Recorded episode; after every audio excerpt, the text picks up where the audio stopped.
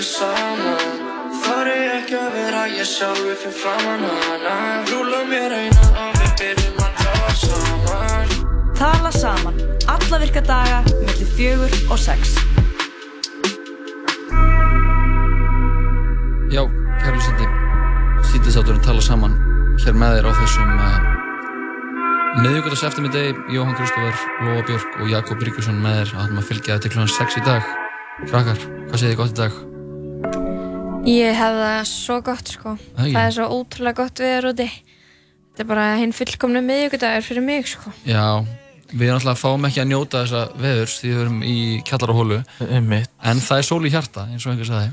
Jú, ég hef það bara nokkuð gott en, en svona sem fyrr þá hef ég einhvern veginn ekkert náða að nýta mér þetta sumarviður eh, og ég ætla svo sem ekkert að kenna vinnu, starfi í hljóðverum það, það er bara ég er mjög latur að fara út. Fólk getur alveg komið á þann stað, það er búið skott viður, Mhm. að uh, það er hægt að fá svona samvinskubitt yfir því að nýta ekki tíman í Ég bara, Já, nákvæmlega. Núna skil ég þetta lið sem býr á Spáni og er bara ekkert eitthvað í mikið LA, úti. maður, hot and sunny.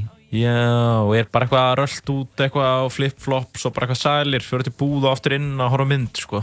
Mitt. Núna skil ég þetta fólk. Mhm.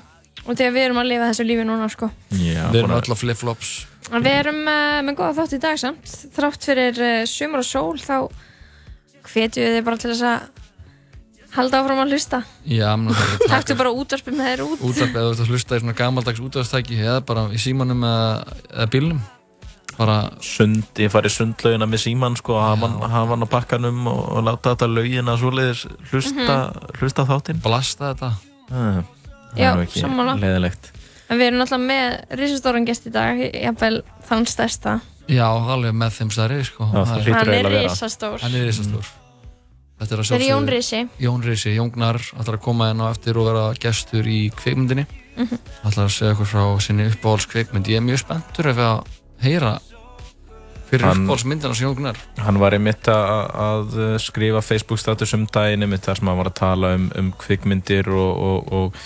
hann og, og, og hvað hann hefði svona fljótlega hrifist af því öllu sko, þessu Mhm. kvikmyndaformi og svona það er hérna, við vitum að hann er mikill áhuga maður um þetta Já, heldur betur. það hefur hann svo sannlega svona tekið þátt ímsu starfi tengt uh, þáttum og, Hvað hefur hann verið í mörgum íslenskum bíómyndum? Að þið pæli í því, hvað, um, þú veist, hann var náttúrulega í íslenska drauminum Já, hann var í honum. síðan var hann í annari mynd þar sem hann átti asíska konu munið já, já, já. Maður sem Hann var ég. náttúrulega í myndinni Bjartfræðarsson. Já, Það var náttúrulega svona með hann, hann, með, hann var í henni. mm. Svo ertu að tala um, uh, átti hann ekki aðsika konu í Íslenski draumurinn.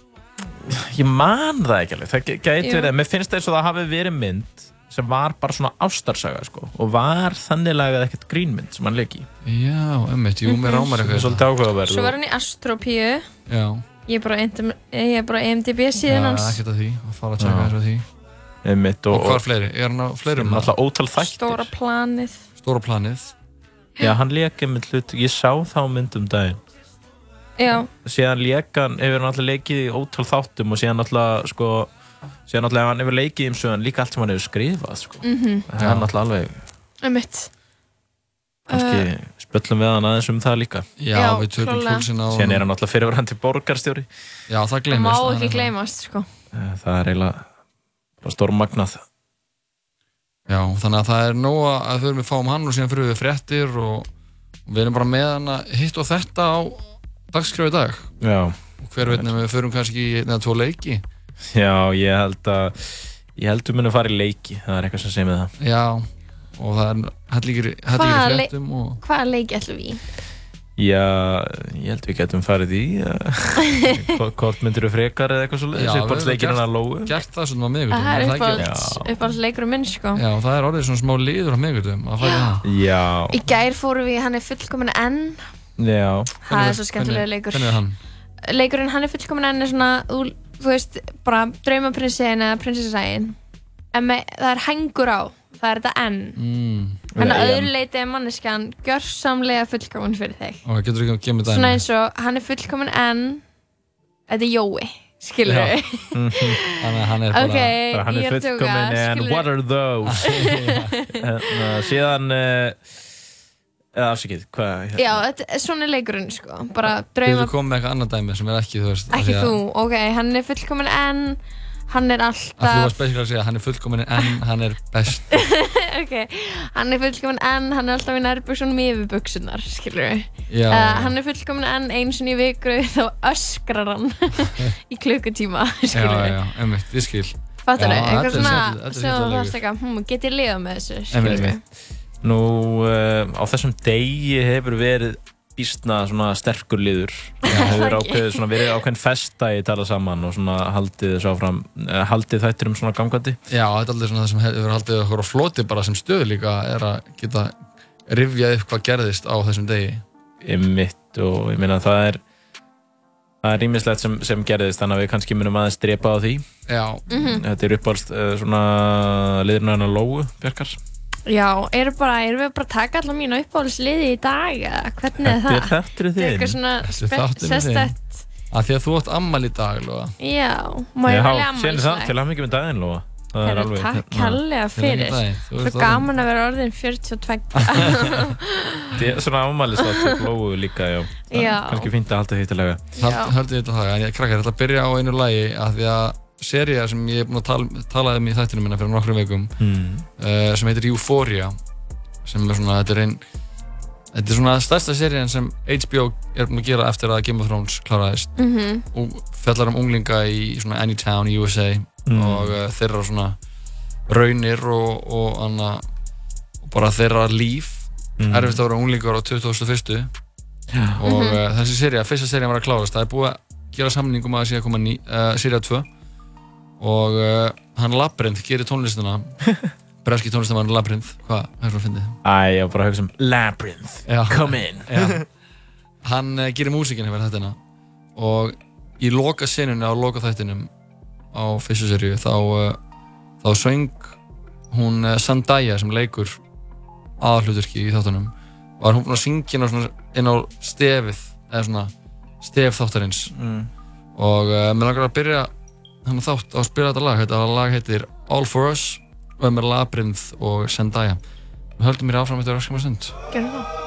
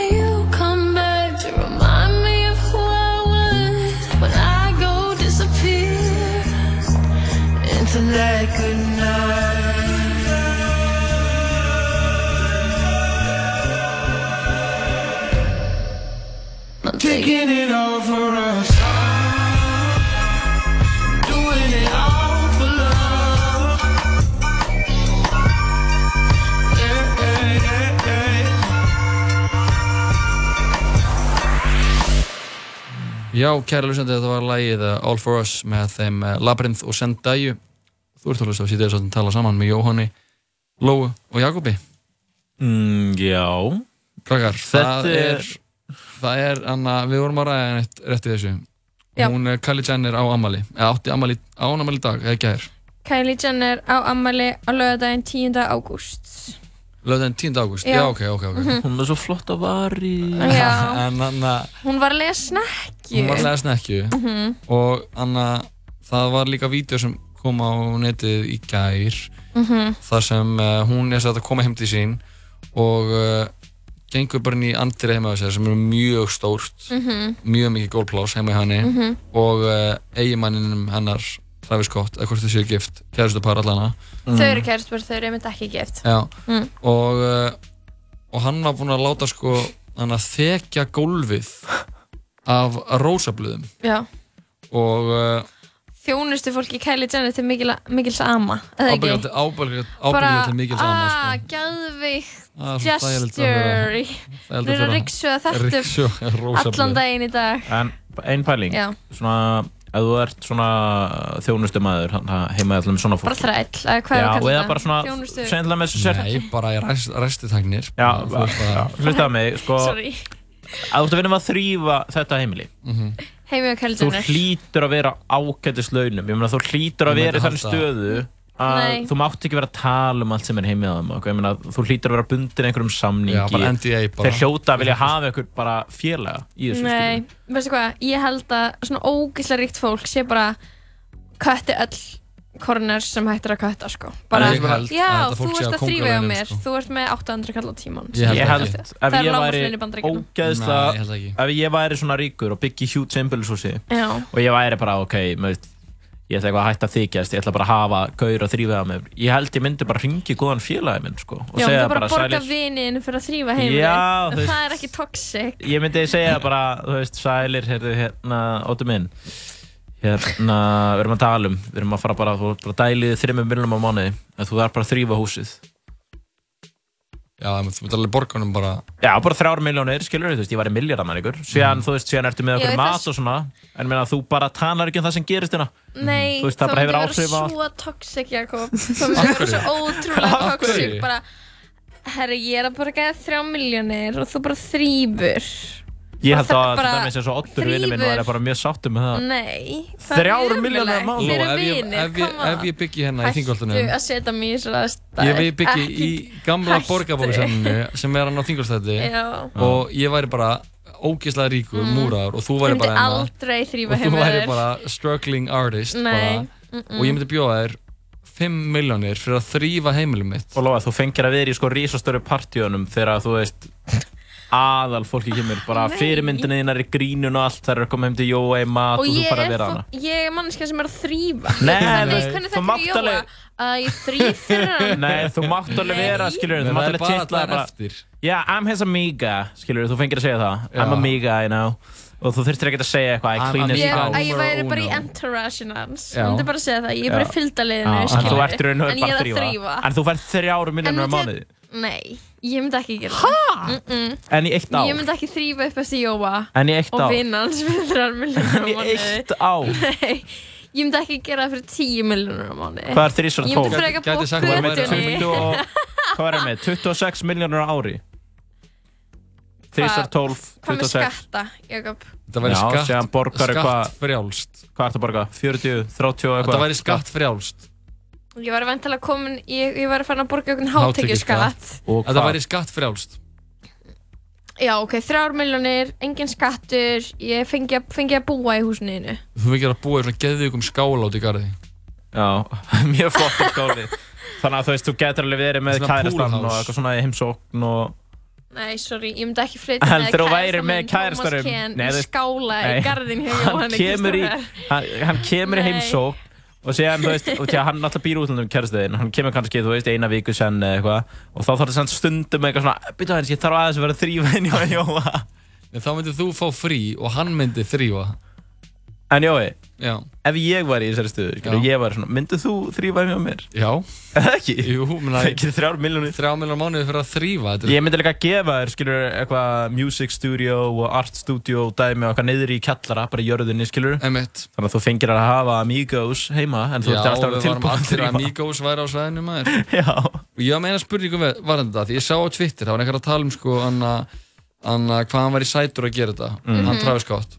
Og hvað þetta væri svona fallegt og hvað þetta væri fallet gesture. Mm. Og það var eitthvað fólk sem var bara, nei, þetta er það ekkert.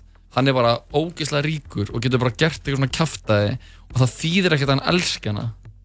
Og það var svona fólk sem var bara svona að segja bara eitthvað, "Ha, það þý- þetta þýðir ekki neitt. Mm, Mhm. En ég meina, auðvitað þýðir ekki að hann elski hana og því ég get alveg gert þetta, þú veist, en veist, hann samt, kannski elskar hann hana. Hvað kemur það málum við? bara þetta var, það, það, það sem var anna argumenti eða svona Já, já, já. hjá manneskinu var að anna, það var einhver, þetta var svona, þetta var svona retweet á einhver, einhver að tala um að ég vildi einhver elska mig ja, mikið og Já. hann elska hana eða eitthvað svona Já, já, og sem já. sagði einhver bara þetta þýðir, hefur ekkert til það, eða svona til Við erum já, alltaf já, einmitt. segja ekki til um ást. Já, eitthvað svona, hann talaði um að það var ekkert vitnis um hann að hann elskaði hversu mikið hann elskar hana, já, já, já. Þetta og er bara hann- rosa blöð, Já, hann gæti bara ekki elska hana neitt Þú veist, það gæti alveg verið að hann elska hana bara ekki neitt og meira sem að bara hann hana Veitu hvað ég meina? Já. Byrju, hvað, hver er kærasta Travis Scott, segir Kylie Jenner Já, auðvitað. Jakob, Þetta snýst um fylgjast með, Þetta er, blöð. þetta er, þetta er spurning um það hvort að þú veist að hann að bara efnisíkja og, svona, og gerir mann hamhugisamari eða þú veist hvort Mhm. Ég þú meina, það er ekki eins og hann hefði staðið með rósir og plokka blöðin af, skilur við. Nei, væri það betra? þú veist, nei, það væri skrítið, Nei, en ég meina, ég held samt, þú veist, ef þú ert orðin svona ríkur, þá nennur ekkert að vera að pæli eða eitthvað, mm, ég þarf að kaupa þetta fyrir konuna mína sem er ógeðslega rík og getur keift allt, allt í heiminum, skilur. Þú væri bara að gera eitthvað flippað. En líka, skilur með allt þetta dót, er hann bara eitthvað, þú veist, hvenar, þú veist, þú ert að toppa svo mikið, þú ert að toppa allt lífið hennar, skilur. Það Já. er ekkert næs sem þú getur gert fyrir hana sem breytir einhverju fyrir hana, skilur En- bara að gera en eitthvað er- skrítið. Er, er ástin ekki svona spurning um það að, að það er gesturið að þú gerir eitthvað það er það sem lætur maður þykja væntum það ekki endilega að Hann geti borgað Nei. til þess að gera það, já. ekki endilega að ég kifti þú veist að þú veist, það skiptir, skiptir hann einhver máli að hann geti, þú veist, auðvitað getur hann kift bara eitthvað tíu þúsund rósir en ef hann hefði plokkað það af Já, hvert eitt og einasta rósa blað þá hefði það verið svona ótrúlega gestur um hans bara anna, ást, Ást. henni, já. er það ekki? Frekar, frekar en að hann gætt kift þetta. Já, ég, svo kom einhverjir vinnukallar með þetta inn í einhverjum svona plastpókum Og sturtu þessu á gólfið og dreif úr þessu og hann er eitthvað, ekki örgulega, ekki eins og á staðnum Nei, hann er bara skilurðu, staðar á túr Hann er bara einhvers staðar. í útlöndum, skilur við Já, Já, hann er bara ömulegur kærasti. Ég, velti sér bara upp sko, veist að anna, Það umræðan er farin á stað En ef hann færi bara eitthvað með hann að hinga til landsins og færi bara svona, svona sumarbústað pott í einhverjum garði. já, Og þú veist, myndi el, elda fyrir hann, Já, við myndi Það væri svo bara eitthvað- kongalegt. sko. bara eitthvað svona lags fyrir hana Það er romantíst, sko. Mm. að elda fyrir ykkur eða silung, hann myndi grilla fyrir Kylie Jenner Veiðan silung fyrst, svo grilla já, hann, emitt Hann Hann væri að grilla paprikur. já, hann myndi fylla paprikur og síðan myndi að grilla hann veiða lags, nei silung ekki lags, Mm. og elda hann fyrir hana og Kylie Jenner væri bara í pottinum og hún var bara eitthvað, oh my god I love you so much I'm Ah, so in love. Hversu, það er samt Ég meina, come on, þú veist þetta Lóa, hvernig myndir þú að vilja vera láta gera þetta? Ég, ég veit það ekki sko, því að ég Thomas bara Kean með- býst við að þetta sé, maður sé orðið svo fyrtur á þessum tímapunkti, ok, tölum bara um ambarleganar sem var bara segveið inn í þessar umræður. Mhm. Hún er sem sagt að uh, leia snekju til þess að halda upp ámæli sitt sem kostar sko 100 miljónir að leia á, í eina viku Mhm. og er eitthvað tíu svefnarbyggjarna og þessi snekja, hún er bara það stór að það lítur út eins og fraktskip það lítur út eins og flutningaskip Mhm. þetta er svo stórt og ég er bara eitthvað þetta er svo stór snekja og hún er svona bláa neðan ég er bara svona ég skil ekki Þetta er bara svo heimskulegt. Já, þetta er bara svona eins og lítið Titanic skip sko. en hún er þarna og það verða eitthvað allir þarna og uh, það er eitthvað svona kenningar um að þarna verði, þú veist, kannski brúðkaupið hennar þú veist, þetta er 22 ára ammali hennar en mögulega verði, þú veist, eru þau að fara svo snakki og þau muni gifta sig, sig. skilur þau Já, ég, Æ, ég veit ekki Myndið þú Lóa Mm. þrýfa þetta skip? fyrir þrján miljónir Já. Já, ég myndi frekar þrýfa skip en skip sem að Kylie Jenner er að leia heldur en heimilið þitt til en hljómskálagarðinum þetta skipur örugglega miklu ógisleira Þú myndir líka þurfa að skrúpa sko annað stafnina og bara svona undir það Já, svona fara niður í reypi og þrýfa það Já. Já, ef við með eitthvað gott, gott podcast þá myndi ég alveg nanna það sko Já, þar hefur við það. Þetta var alltaf sem við þurfum að vita. Við komum aftur eftir smástund og hver einnig með við tökum eitt símavital. Já, hver veit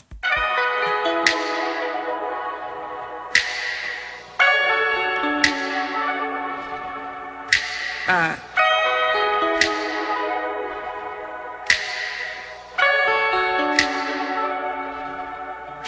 uh. Honey, help me get by. It don't matter if I call myself expensive things, buy myself a diamond ring, married to the moolah. Still ain't got no lover. Looking, all I see is green. Wonder, can you buy me these? It's hard to trust the things that we lost.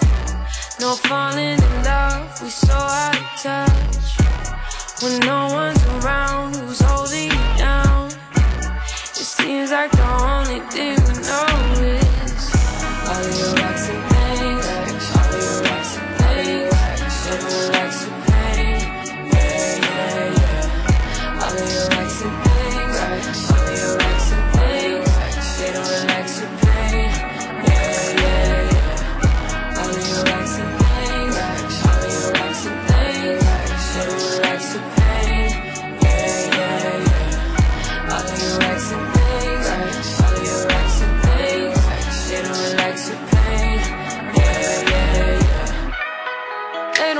understand, they don't know how to get the stacks up. If I drop a hundred bands, I'ma get it right back up. And if I fall, it don't matter. I'ma ball, get the bag, yeah. Spend it all when I'm sad, yeah, yeah, yeah. It's hard to trust the things that we lost. No falling in love, we so out of touch. When no one's around, who's holding you down? It seems like the only thing we know is all of your racks and things, all of your racks and things. Don't relax your pain, yeah, yeah, yeah. All of your racks and things,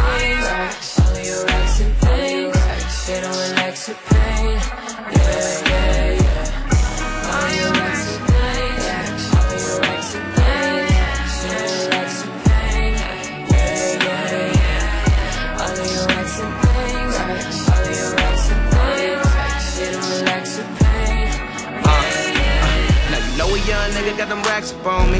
I can introduce you to my rapper homies, but I ain't gonna take you to the matrimony. Probably gonna leave you down sad and lonely. My infatuation with these bags I'm facing. Got a couple dollars, so congratulations. Tryna find love, so I'm navigating. Shower you with gifts over saturation. But I can't seem to find love without the ratchet shit. This little dream of mine. Why am I attached to this? But happiness is when you glad and bliss. And the cash and shit is a catalyst to cover up the pain that's hazardous. Trouble, lust, the fame is attacking quick. My God. Oh,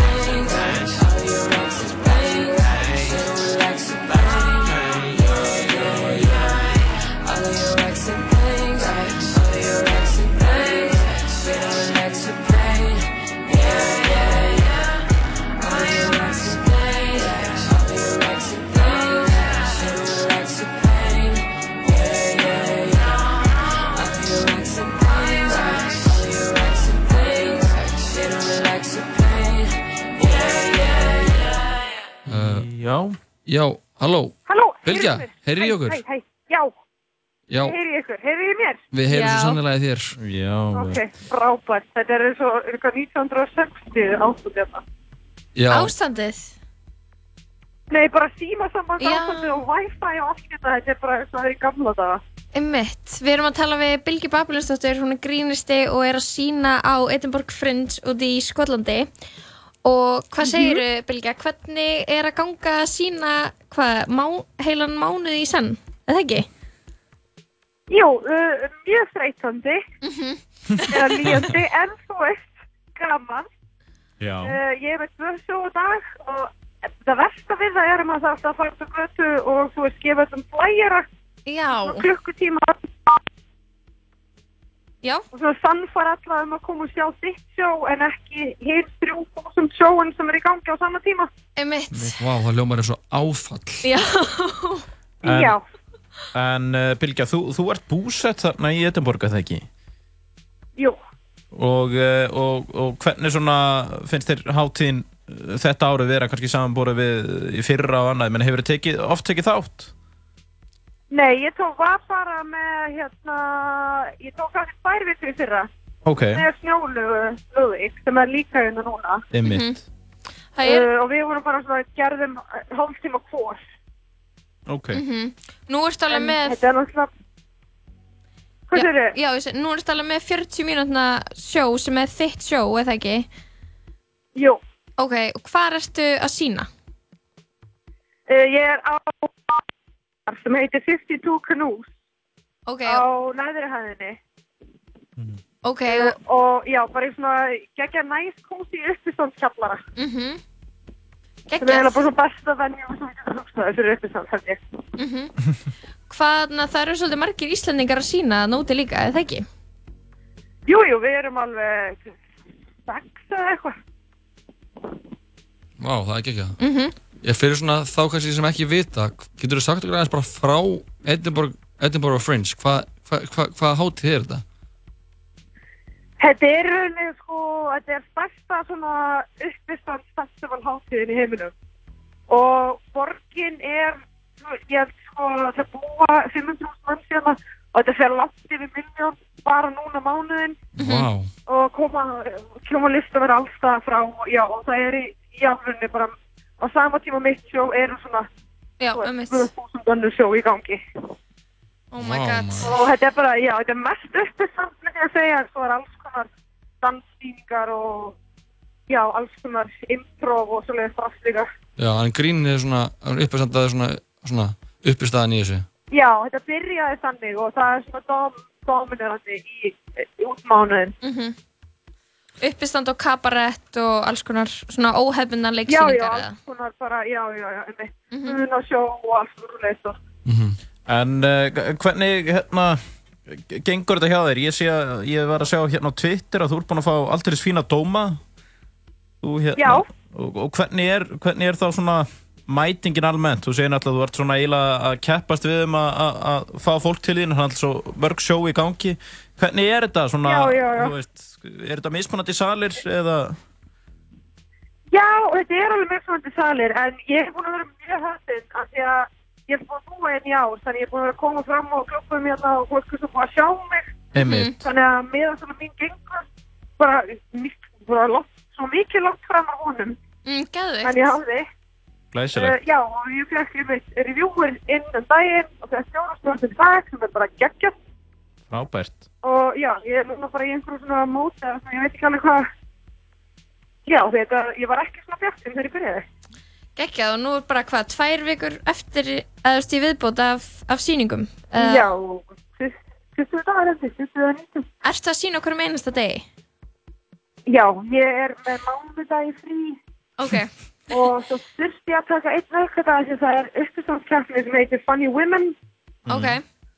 Og ég komst inn í undanústin í henni þannig að uh, og þau er á sama tíma og sjóðinni þannig að ég þurfti að taka frí næst síðasta daginn mitt Ok. Herru, og Bil fara og já, Já. Herru Bilga, takk að ég kærlega fyrir spjallið og gangi ég vel að klára uh, já næstu vikurnar. það heyri rosa illa í ykkur Já, ok. Hérna, já, bara En- takk fyrir að syngja og gangi ykkur vel Frábært. Það er bye bye. Bye. Já, þetta var, Ó, já, þetta var Bilgja Babelinsdóttir beint frá uh, Edinborg. Við ætlum að hlusta eitt lag, Malamente Rosalia, koma eftir smá. Ese gritarito roto, yo sentí como crujía. Antes de caerse al suelo, ya sabía que se rompía. Uh, está parpadeando la luz del descansillo. La escalera, alguien cruzando. cruzando el pasillo. Malamente. Sí, sí.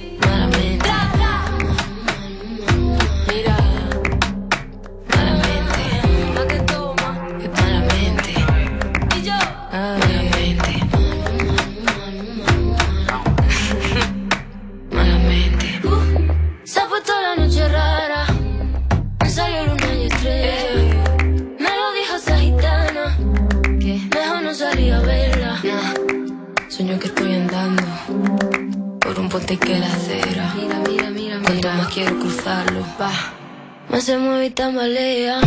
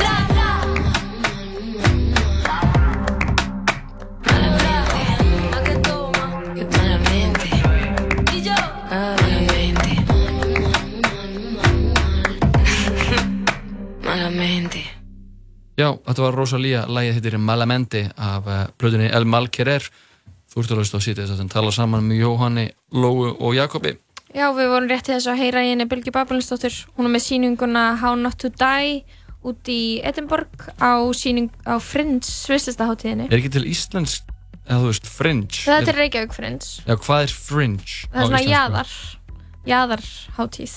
Já, ok uh, listin sem er, þú veist, einhvern veginn í jaðrinum, ekki svona mainstream. Já, á, Það er svolítið þannig, já.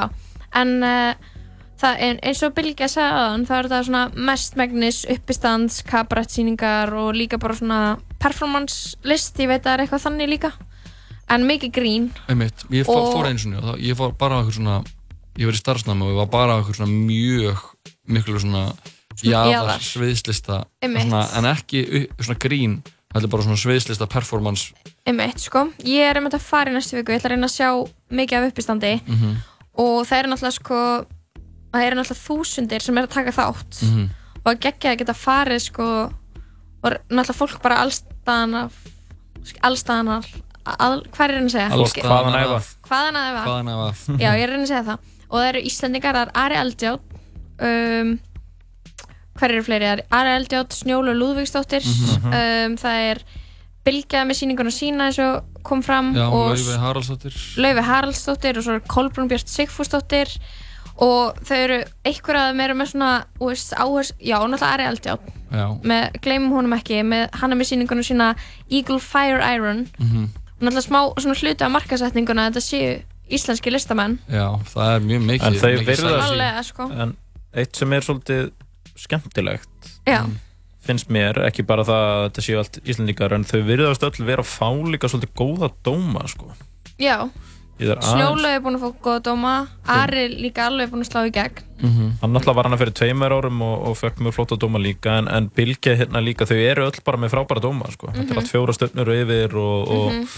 fólk hérna keppist við að lofa þau þannig að þannig að það er svolítið svona hinn almenn Íslandingur veit kannski ekki af þessu að, að, að, að íslensku uppistandur okkar eru þarna úti að, að gera bísna góða hluti.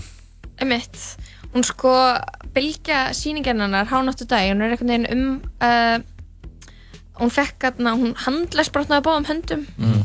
og svo mist hún vinkonu sína og fekk síðan eitthvað svona eksli og það bara kom einhvern veginn eitthvað svona margir hræðilegi hlutir fyrir í einu Já. hún er eitthvað að fjalla um það í sýningunni sinni sko.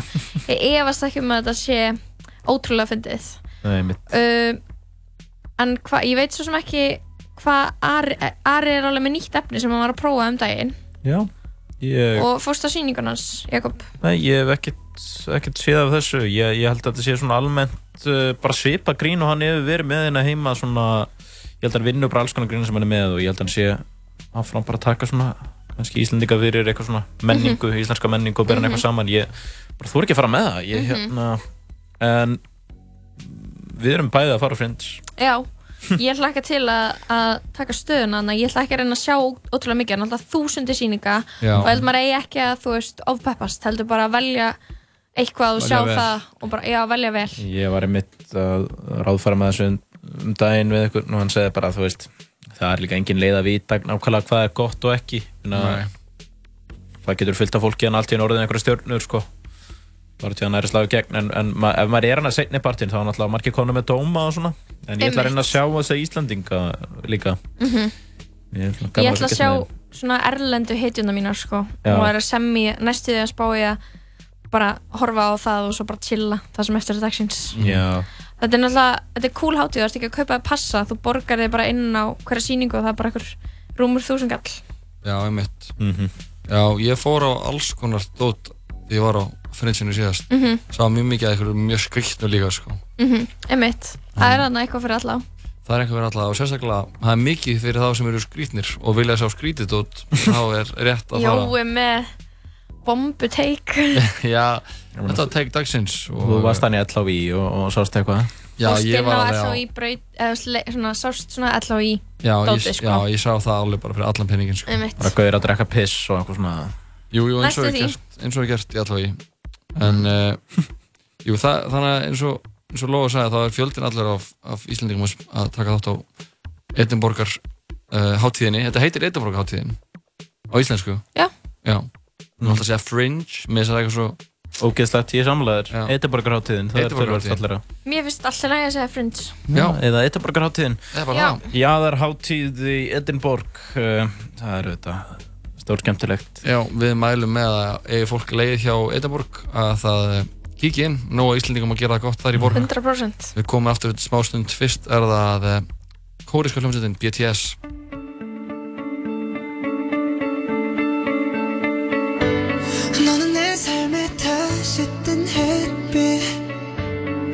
시절 내 꿈들의 재림.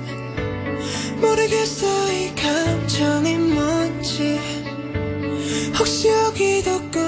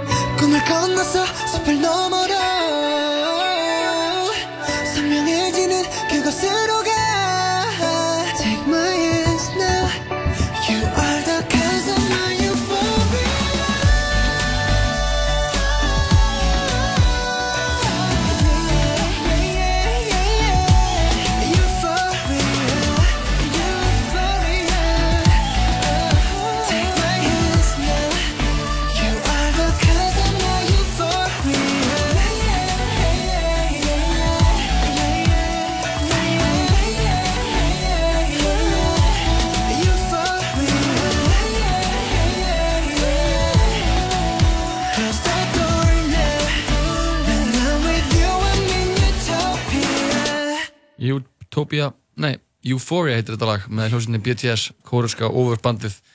Hafið hlustað eitthvað á BTS, krakkar? Nei, ég hef Ekki alveg, alveg þetta, þessi, þessi kórisku og japansku popljónsveitir hafa einhvern veginn alveg farið fram hjá mér, sko. BTS en það er samt eiginlega svona... En bandarísk kóriska, Mm, nei. Nei, ég held að það sé bara alveg kóresk, sko. Hún er alveg á, bara, þetta er annar skali, sko. Suðu kórest, já, þeir, heita sko BTS, a.k.a. Bangtan Boys. Mhm. Og ég allan að, mér finnst þetta ótrúlega, sko. Þeir, ég held að þetta sé svona fyrsta, svona K-pop bandi sem gera það virkilega gott í bandaríkjunum. Einmitt. Er að ná að setja lög á á topplista þar og Mhm. og ég er að skoða svona að þetta gaman, það er gaman að spáti verið að sjá hvar er mest hlusta á þetta Mhm. það er sko í, í Jakarta allan að sé svona það er 711 Jakarta? já, Já. já, já, heiti, já, heiti Jakarta ég sé alltaf í Jakarta ég veit ekki hvað að gera þannig að já, þetta er mikið, mikið hlusta á þetta í, í Asíu Mhm. Kuala Lumpur og uh, Singapur uh, já, fyrir þetta aðeins drepa nýra á þessu, þetta er skemmtilegt skemmtilegt hljómsveit og uh, gaman að hlusta tónlist sem er ekki ennsku Einmitt, alveg sammála því. Alltaf gaman að breyta smá til. En uh, Dill var að fara á hausinn, eða loka. já, Eða hva, hvað er að segja? Fó- Fara á Já, haus? það Eða þú veist var- það er já. alltaf balli búið á Dill. já, ég held að það bara fara að hausinn Já. Mm. Hefur, ok, sko, veit ekki stann Dill við Karlskvöld 12 hefur verið lokað. Mhm. Og uh, þetta er svo, Dill er náttúrulega einu veitingastað landsinn sem hefur fengið misselinstjörnu. já, Þannig að þetta er svolítið stórt. Og hann hlýtur eiginlega að farað hausinn annars myndir þau segja að þau var að færa sig eitthvað annað eða þú veist Já. það ballið er búið, það er bara að fara já, það, Þeir- það, þeir svona hafa er ekki- þetta þegar fólk fyrir að hausinn þá er það bara, þá er ballið búið En það, þeir hafa ekki, það hefur ekki náðst í þá í fjölmjölum. Gunnar Karl Gíslason og Kristinn Fulbergsson, þeir eru eigendur til. Mhm. En svo er hérna inn á Facebook síðinni samtök um matseld annara ríkja. mm. Það er svona Facebook-grúpa. Það er eitthvað með kenningar þar um að hann muni sannilega uh, opna annars þar. var í öðru landi Segir bara hins vegar heyrir maður eitthvað um að þetta geti opna á nýjum stað eða með svipuðu fólki þannig að engin ástæð til að örvenda. Mhm. En Men- það er oft þannig að fólki í veitingabransanum það finnur einhvern annan stað til að vera á þetta er bara alltaf kokkurinn sem er mikilvægastur hann er það, virðist vera það Já. það er ekki staðsendingin á eldursunum eða, eða stólanir En ég meina, held að þeir sé bara að flúta á land Nei, hérna, í eitthvað annað land eða? Nei, bara eitthvað annars það er Reykjavík, haldið það ekki ég fór aldrei að, borða þannig smakkuðu þið til eða? Nei Sko, nei um, ég smakkaði ekki til en uh, í þessari frétt þá er hérna e, er verið að tala um framkvæmdunar á hverjuskötu hvort þær hefur mögulega haft áhrif á svona umferðin á staðinn Hmm. og ég veit það ekki náttúrulega- sem er hann að rétti og fór líka á hausinn og Fór það á hausinn? Er Já, er fara á hausinn, sko. Vá, mér langar alltaf að fara ánga Já, Smakkuðu það? nei. En ég svona velti fyrir mér sko hvort þessar framkantir séu Ég meina kannski, en ég meina það er fólk hann alltaf í kring og ég meina alltaf mjög, er svona mjög mikill umgangur þarna sko, þetta er næstuði bara Dill og Essentia eru svona hjá svona mjög miklum svona túrista svona, svona heitum punktum, svona eins og það er þarna stoppu þarna fyrir þarna rúturnar sem fara alltaf flugvöll Mhm. þær eru þarna bara basically fyrir utan Essentia Mhm. og þú veist það er bara alltaf útrúlega mikið fólki, Mhm. þarna sko, þetta er ekkert á einhverjum leynistað en ég meina og pælir í því, með ógeðslega fínan veitingastað sem kostar að borða á Mhm. kannski smá erfitt að reyna þú veist, fá fólkin á stað sem er við svona hliðin á basically hólu og í jörðina Já, og sem bara ding, ding, ding, ding, Já. ding, ding, ding, ding, ding, þú ding, veist, ding, eitthvað með eitthvað lítinn rétt eitthvað að reyna að njóta hans og það er bara ding, ding, ding, ding, ding, ding, ding, ding, ding, ding, já einmitt, skilur við sem var þetta líka veitingastæður um sýstir og Mikkeler sem fór líka á eða loka, skilur við, já, eða fara að hausinu eitthvað, já hvernig sem maður vil orða það að er, Mér fannst alltaf að vera ógeðlega mikið að gera þarna þegar ég fór ánga sko. já, En ég var hann ekki mikið sko. Svona, það var seldur svona kraftbjór þar Mm Já, danski mikil er kraftbjórin. já, hvað er kraftbjór, veitum við það? Uh, já, ég held að ég veit það. Er það ekki svona bara bjór sem er gert í svona eitthvað sérstakur?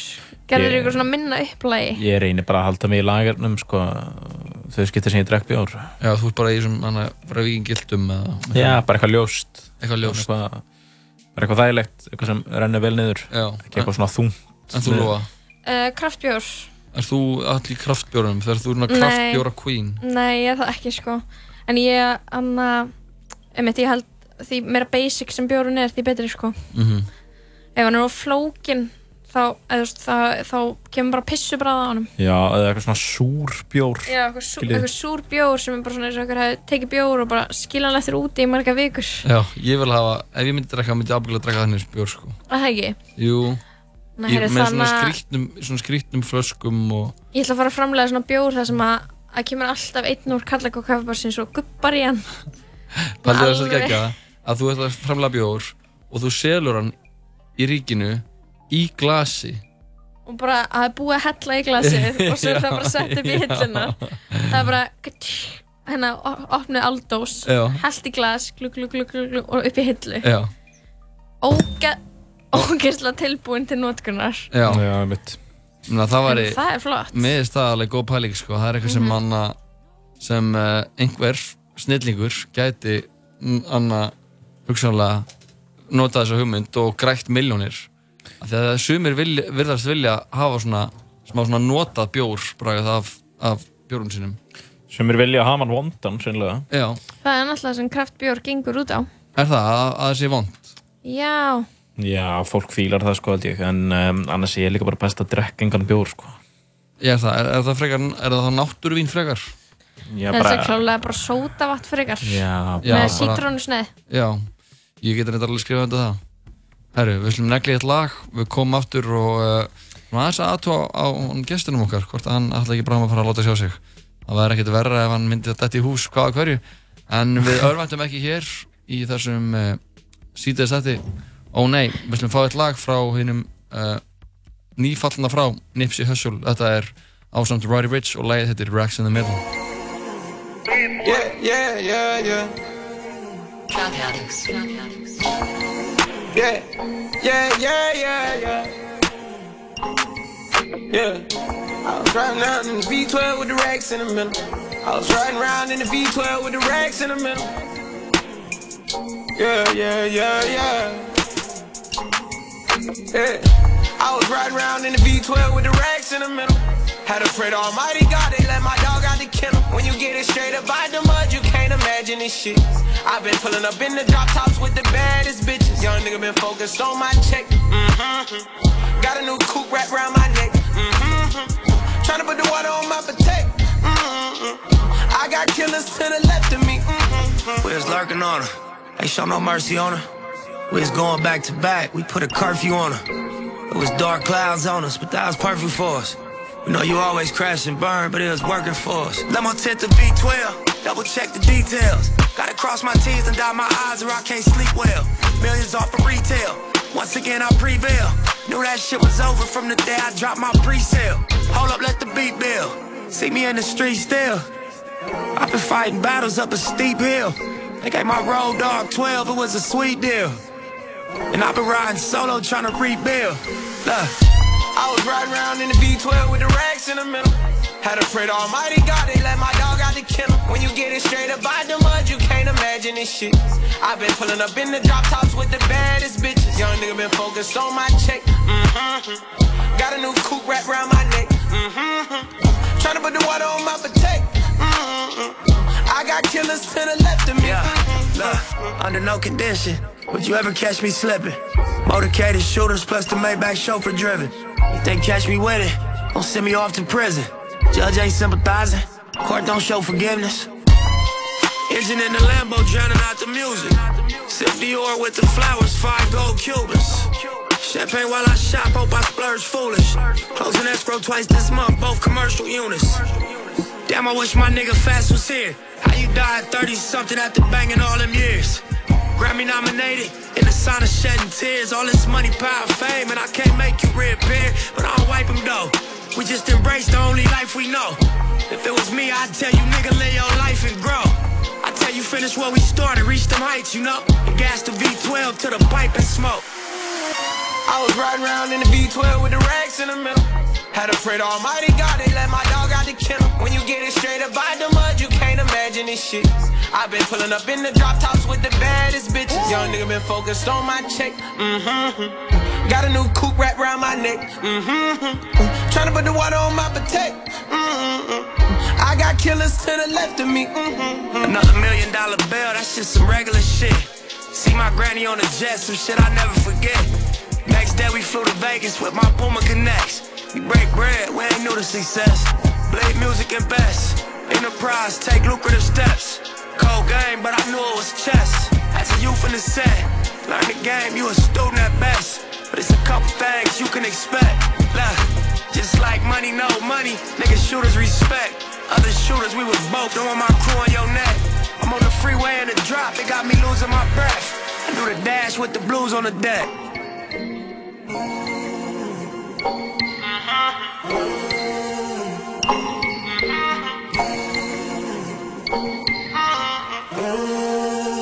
Já, þetta var lagið Racks in the Middle, Roddy Rich og Nipsey Hussle ásend uh, Hitboy sem prodúsera lagið. Þú ert orðist á að sitja þess að tala saman með Jakobi, Lóu og Jóhanni.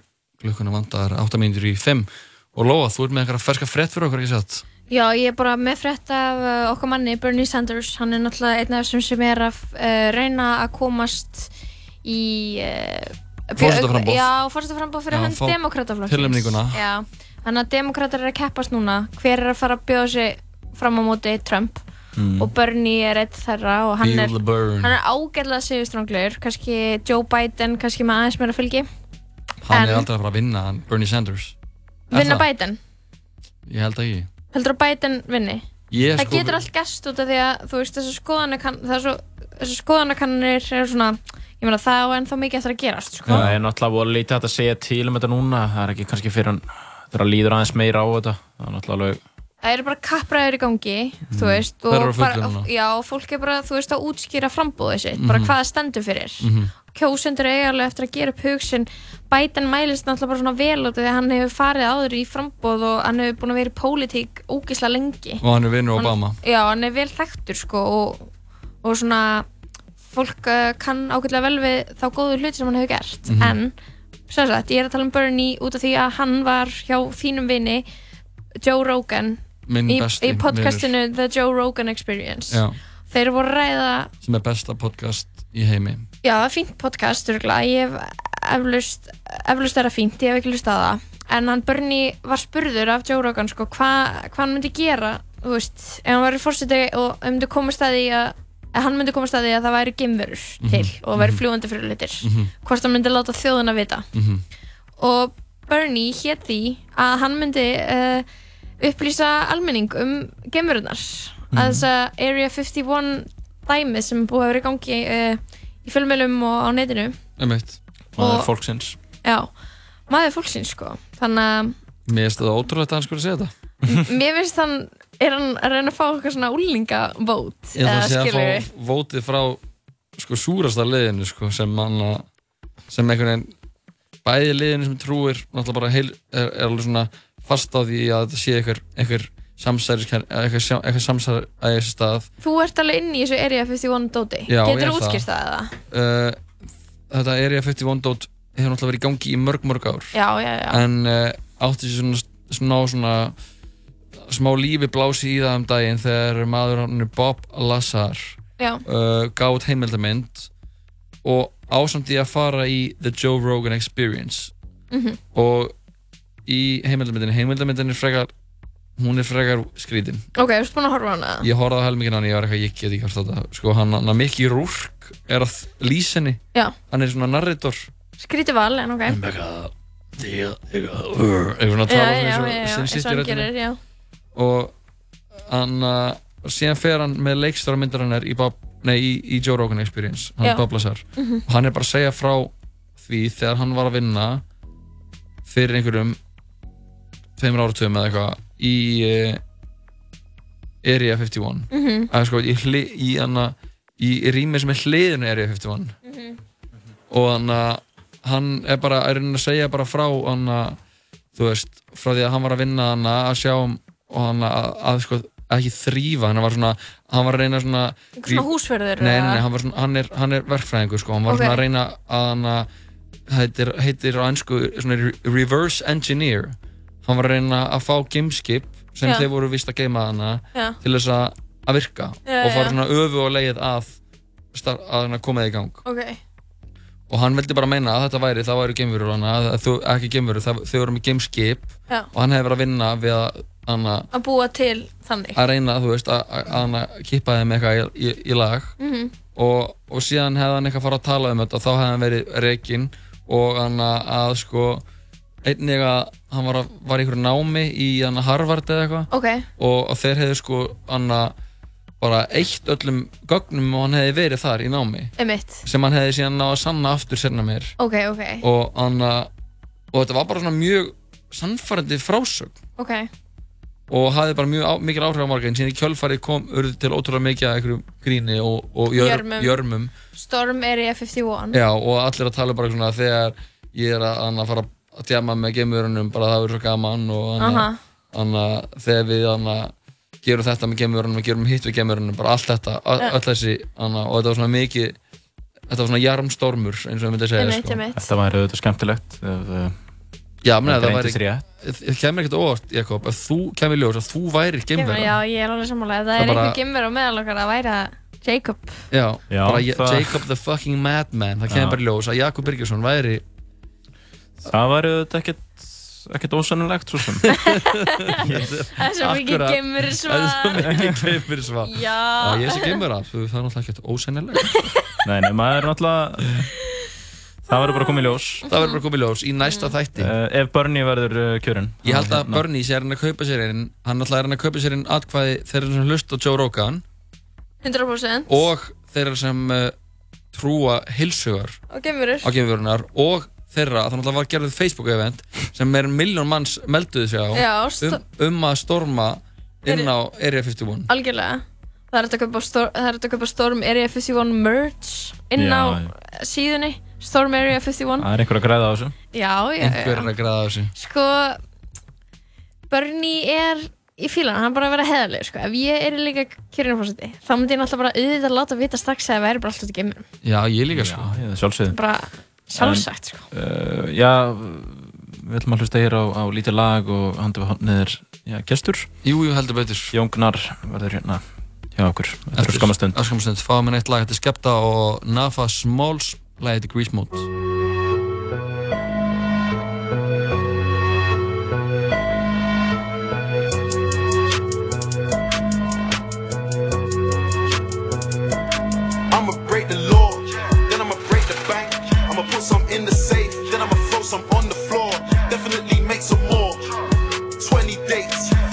back on tour. She can see how I'm flexing, count my blessings, praise the Lord. You know the steez, super grease. Nothing nice, tell the promoter, bring the peas. Still ain't safe, I'm in the party with my G's.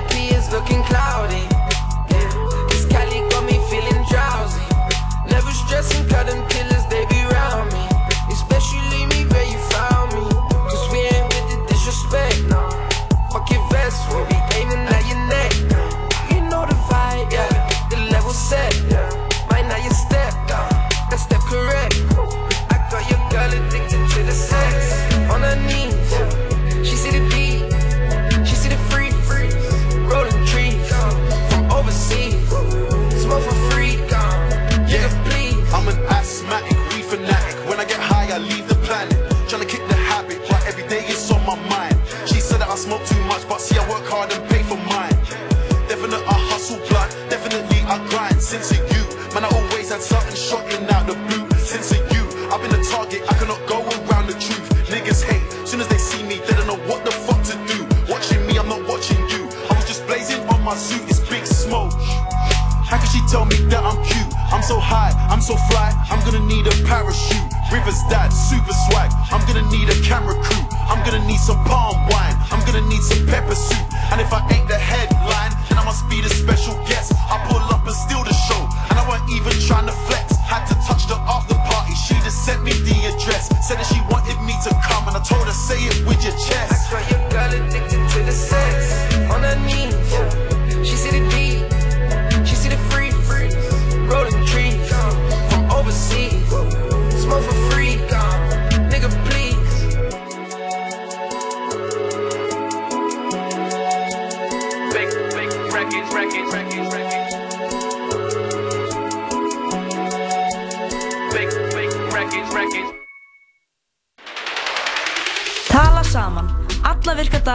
millir fjögur og sex. Í bóði Dominos og Once Upon a Time in Hollywood. Frumsýnd 14. ágúst. Gommugláp og bland í póka í kvöld. Stöð 2 Marathon er stútfullt af frábærum þáttaröðum sem þú getur hort á hvar og hvenar sem er. Þér áskrift fyrir aðeins 2490 krónur á mánuði á stöð2.is. Hamburgerabúla Tómasar. Nú verða stektir hambúrgarar. Hamburgerabúla Tómasar. Here I come. Sauerkraut?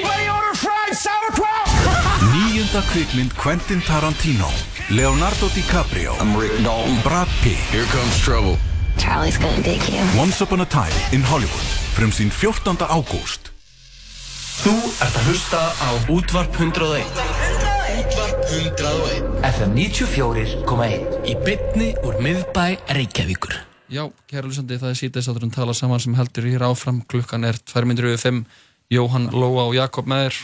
Við erum komið með góðan gest til okkar. Hann er uh, þúsund þjála smiður, uh, grínisti, trúður án erindis. Jón Gnar, verður velkominn. Já, það er fyrir. Takk fyrir þessa fallegu kynningu. Já, ég... Einmitt, Þetta er það sem að það var prófessor í, sko, í háskólan sem saði þetta um mig. Mér finnst þetta svo flott. Já, með þetta bara Já, þetta er, ég vildi að þið sagt þetta mig, ég er bara, þetta er glæsilegu Hvað, titill. þetta- Þetta trúður án erindis, eða bara öll rámsan. Uh, trúður, trúður án, erindis. Lík, trúður án erindis. Mér finnst þetta, finnst þetta líka að vera svolítið eins og eitthvað svona verndað starfseiti, sko, vegna þess að, Já. þú veist, uh, það geta eiginlega ekki margir aðrir farið að kalla sig þetta, sko. Þetta er svolítið eitthvað sem þú átt, sko. Já, trúður. Já. Einmitt. Ég var er bara að heyra þetta fyrst núna, sko. Er, er þetta eitthvað að kalla margir þetta, þetta? eða? Nei, ég var, sem sagt, það var uh, hérna uh, professor við Háskóla Íslands Mhm. sem var eitthvað spurður um mig Mhm. og sagði þetta um mig. Sem sagt, mér fannst þetta svo flott að Mhm. ég bara, ég, mér fannst bara einhvern veginn, hann bara horfði einhvern veginn á mig, hann bara sá í gegnum mig. Já. Hann bara Mhm. sá nákvæmlega að ég er nákvæmlega bara þetta. Mm. Þetta er skáldlegt sko Og ég spurði mig líka þegar ég heyrði þið tala um, tala um uppistanduna eða ekki? Í, Jú, jú, já. Og þannig að þá, ég hugsaði líka svona hvað um alla hína trúðana? Eru þeir með svona meira erið eða svona að vera trúður? All- Er þetta svona, finnst, finnst trúðum eins og þeir séu með Erindi. Svona einhverja misjón. Já, Já, hann er svo sannarlega með erindi þessi. Já, bara blása upp 150.000 blöðrur og hann eitthvað. Já, þetta er örglega fyrir, ekki fyrir mig sko, þetta hefur verið bara erindisleisa fyrir mig sko. Einmitt. en örglega fyrir marga grinnista sko. Mhm. þá er þetta einhver svona köllun, einhver svona innri rödd sem segir farðu út meðal fólks og segðu eitthvað. Segðu eitthvað bjánalegt Já. þannig fólk fólk hlægi Einmitt. Já, það er eitthvað en búið er þetta hérna notalegt hérna hjá okkur. Já, það ekki, takk Jú. fyrir það. Já, þetta er svona næ stúdíó sko. Þetta er gluggalög, það er stór gluggi en hann er ekki, við sjáum ekkert út sko. Nei, nei Va, er það ekki Það vanlega oft- þannig eða? Það er ekki alveg Stúdíó eru bara svona lókuð. Jú Verður oft heitt inn inni, sko. Mhm. Já. Alveg svo leiðis. En Jón, hvað er þú að bara þess að dana? Uh, ég er sko ég er bara svona búin að vera að njóta uh, sem sagt áhrifa loftlagsbreytinga hér á Íslandi Mhm. uh, hérna og uh, búin að vera bara svolítið í fríi í sumar svona þannig uh, og uh, er svona með nokkur verkefni sem að ég er að böglast með Mhm. uh, ég var sem sagt ljúka við að skrifa sjómarpstætti og ég er að leika í einhverju myndum Mhm. aldrei neinn stór hlutverk ég fæ svona lítil Mhm. hlutverk í myndum uh, og oft sem sagt uh, já kliftur úr, úr þeim Já, nokkurn veginn Ég vann nú að skoða Internet Movie Database síðuna hérna, bara til að rifja upp hverju þau hefur verið í. Já. Og einu sinni varst eitthvað svona reyður maður sem ringdi inn í útarsþátt. En svo varst það náttúrulega aðalpersonin í Bjarnfriðarsson. Jú, jú. Já, það- en ég, var það ég náttúrulega gerði það sjálfur sko, en, Já, en sem ok. sagt sko þannig að ég, það er eh, svona ein örgasta leiðin fyrir mig til þess að fá eitthvað hlutverk það er að bara skrifa skrifa, Já, skrifa það sjálfur. Þetta er ekki eitthvað svona Baldvin Seta ringir í þig og svona hann er með stórt hlutverk í huga sem hann vill hafa þig í og, og Nei. síðan farið að vera aðal kallinn sko. Þú ert ekki mikið að lenda í, í svoleiðis þessi dag. Nei, nei, En ég meina ég er bara einn af sko, fáum íslenskum leikurum sem að hefur aldrei leikið neitt í ófærð sko. Já, en ég skilir þetta ekki. Og ég meina Sigurjón Já. Kjartansson er nú bara ágætur vinnu minn og ég þekki svona aðstandendur ófærðar alla sko. Þannig að þetta er svona, þetta er bara svona. Já, Er eitthvað sérstaklega svona að hefði vilja leika í ófærð og hugsaði bara svona hvað þið voru sniðganga með þarna? Ég hef verið fullkomin í þetta Ég, meni, ég hefði verið, sko, ég var með hugmynd svona einhverjum, sko, svona eins og, sko, eins og log lady, þetta í Twin Peaks, svona, Já. svona furðufugl sem Já. kemur alltaf með eitthvað svona sem vantar inn í söguna. Já, já, já. Ég hefði geta verið eitthvað svona servitringur í bænum sem að geta svona öskrandi maður öskraði eitthvað sem að þeir, hei, býtu, er þetta kannski ekki alveg rugg sem hann er að segja? Já, þetta var síðasta- Eitthvað, ég var með síðasta svona, svona púslið hugmyndir bara. en það var enginn sem, sem hlustaði neitt á það, sko. Skrítið samt að Sigurjón mm, vistu eitthvað til þess að hann hafi eitthvað búrað þetta undir einhverja menn og, einhverju neitað eða er bara Sigurjón hreinlega að- að koma það fram með þig? Sko, ég veit ekki ég, hérna, sko, ég hef reynt að ræða þetta við hann og hann svona svona í trúnaði sagt fer Já. svona undan í flæmingi Já, já. reynir að Já, já, eða já. þessu og, og nefnum hlær svona Einmitt. svona og hérna, já, en hvað segir þú hérna, og svona breytir um umræðinu eða eitthvað svo leið sko. Einmitt. Mm. og hérna, hann ég bara veit það ekki sem sagt uh, hvort þetta er annarkvort einhvern samantekin ráð eða tilviljun Mhm. Ég- Þeir- og ég veit ekki hvort það er Þeir bara tala um hundin sinn eða eitthvað svona eitthvað svo leiðis, já, einmitt. eitthvað bara svona eðna, eða eitthvað þátt eða eitthvað eða, eitthvað svona En það er kannski að þetta bara fullkomið tækifæri fyrir þig að, óska eftir að handriðsöfundar og leikstjórar þessar lands skrifi svona bitastæðari og stærri hlutur fyrir þig í kveimundum. Já, jú, Þetta er ákall. Þetta er ákall. svona ákveð ákveð Já, áköll eru stórlega vannmetinn fyrirbæri einstaklingar eigi meira Já. að þóra að stíga fram í krafti persónu sinnar Mhm. með svona áköll Ég er Já. sko.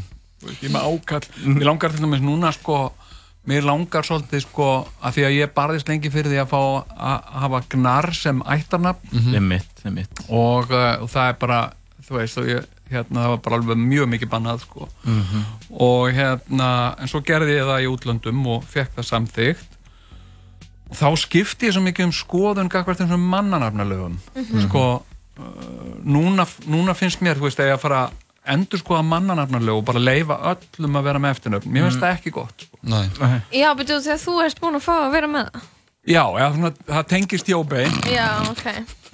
Og hérna og sko Núna má bara heita raskat, held ég, sko. Ef þú vilt. Já, mér langar sko Já. Nei, það má ekki núna Jú, það er bara alveg búið að opna þetta næstu Ég. Nefnilega sko Já.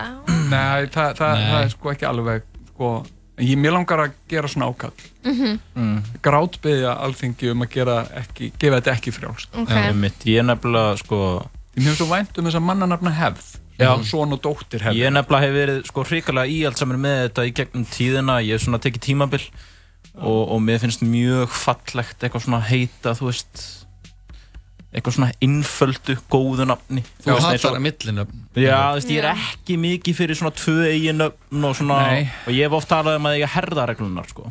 Já, en já. síðan núna gerðist það fyrir nokkrum dögum að, að ég bara tilkynnti fjölskyldinu að ég væri búinn að skipta um skoðun og, og sendi vinum hérna skilabóð Já, já. við erum nokkru vinir sem erum mjög hérna, höfum verið í allt saman með þetta og sagði bara, þú veist, við verðum að fá að lefa fólki að hitta þess að vill og svona og, og það er ekkert að amast við því endalaust, það eru ákveðin réttur. En ég vil samt ekki leggja niður nefndina sko, mér er svolítið töff að það sé nefnd. Já, já, þetta er flott nefnd og ég menna hún hérna, þú veist, það er alltaf gaman að heyra frá henni. Mhm. það er hérna, þannig að mér finnst sko, mér finnst það alveg sniðu þó að við kannski leggjum niður afne, ef, ef lögin ef, að- ef að það gerist að lögin verða afnumin sem ég held að mun ekki gerast en að nefndin haldi samt áfram að starfa. Já, og líka, já, hún getur tekið ímis mál fyrir sko. Já, já, Já. og ég, ég komið með svipað tillögu að lausnum á vanda samfélkingarinnar fyrir að leggja samfélkinguna niður sem flokk en Já. það fólk getur ennþá hist. skilju hist og verið Já, með já. kannski Facebook-grúpu Já, félagslíf og eitthvað svo leiðis Já, það er mikilvægt. og svona hringt hvert í annað svona, jæja, við þurfum eitthvað að fara að taka á þessu sem gerist ekkert Nei, og bara skrifa, þú veist, í fréttablaðið það er bara Mhm. Einmitt, já, það skrifa greinar skrifa greinar, já. og allir, allir pistlanir heita jafnvel spurningu Já. bera svona spurningu sem titil Finnst en hvað þetta- er næst? Finnst okkur þetta rétt? Já, Er þetta- þetta sangjant? Já. Þetta er þá jafnvel ákall um að anna, Landsréttur og hvað svo?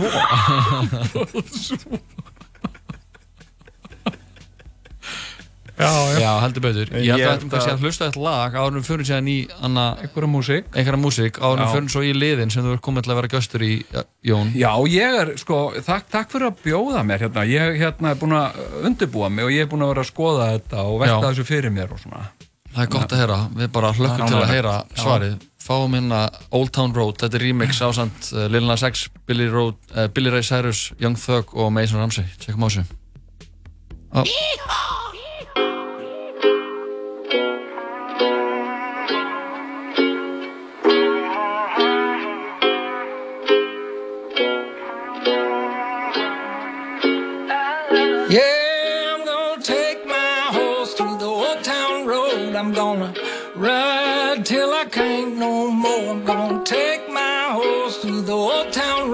I'm gonna ride till I can't no more. I got the horses in the bag, horse stock is attached. Head is matted black, got the bushes black to match. Riding on a horse, ha, you can whip your Porsche. I've been in the valley, you ain't been up off that porch now. Can't nobody tell me nothing. You can't tell me nothing. Can't nobody tell me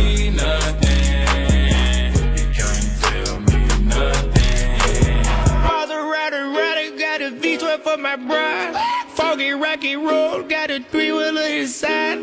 All I wanna do is take a pill, catch a chill vibe.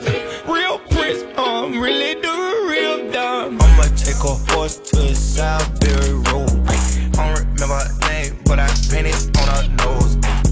Country money, I don't gotta do no tools. I'm a menace, I got women trying to sneak me through they doors. Ain't nobody tell me nothing.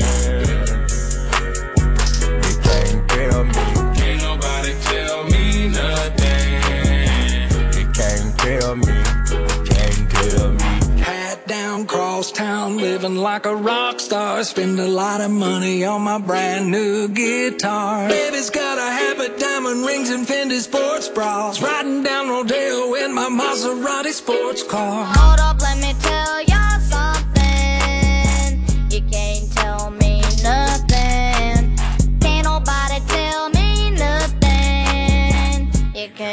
can't tell me nothing. Hop up in my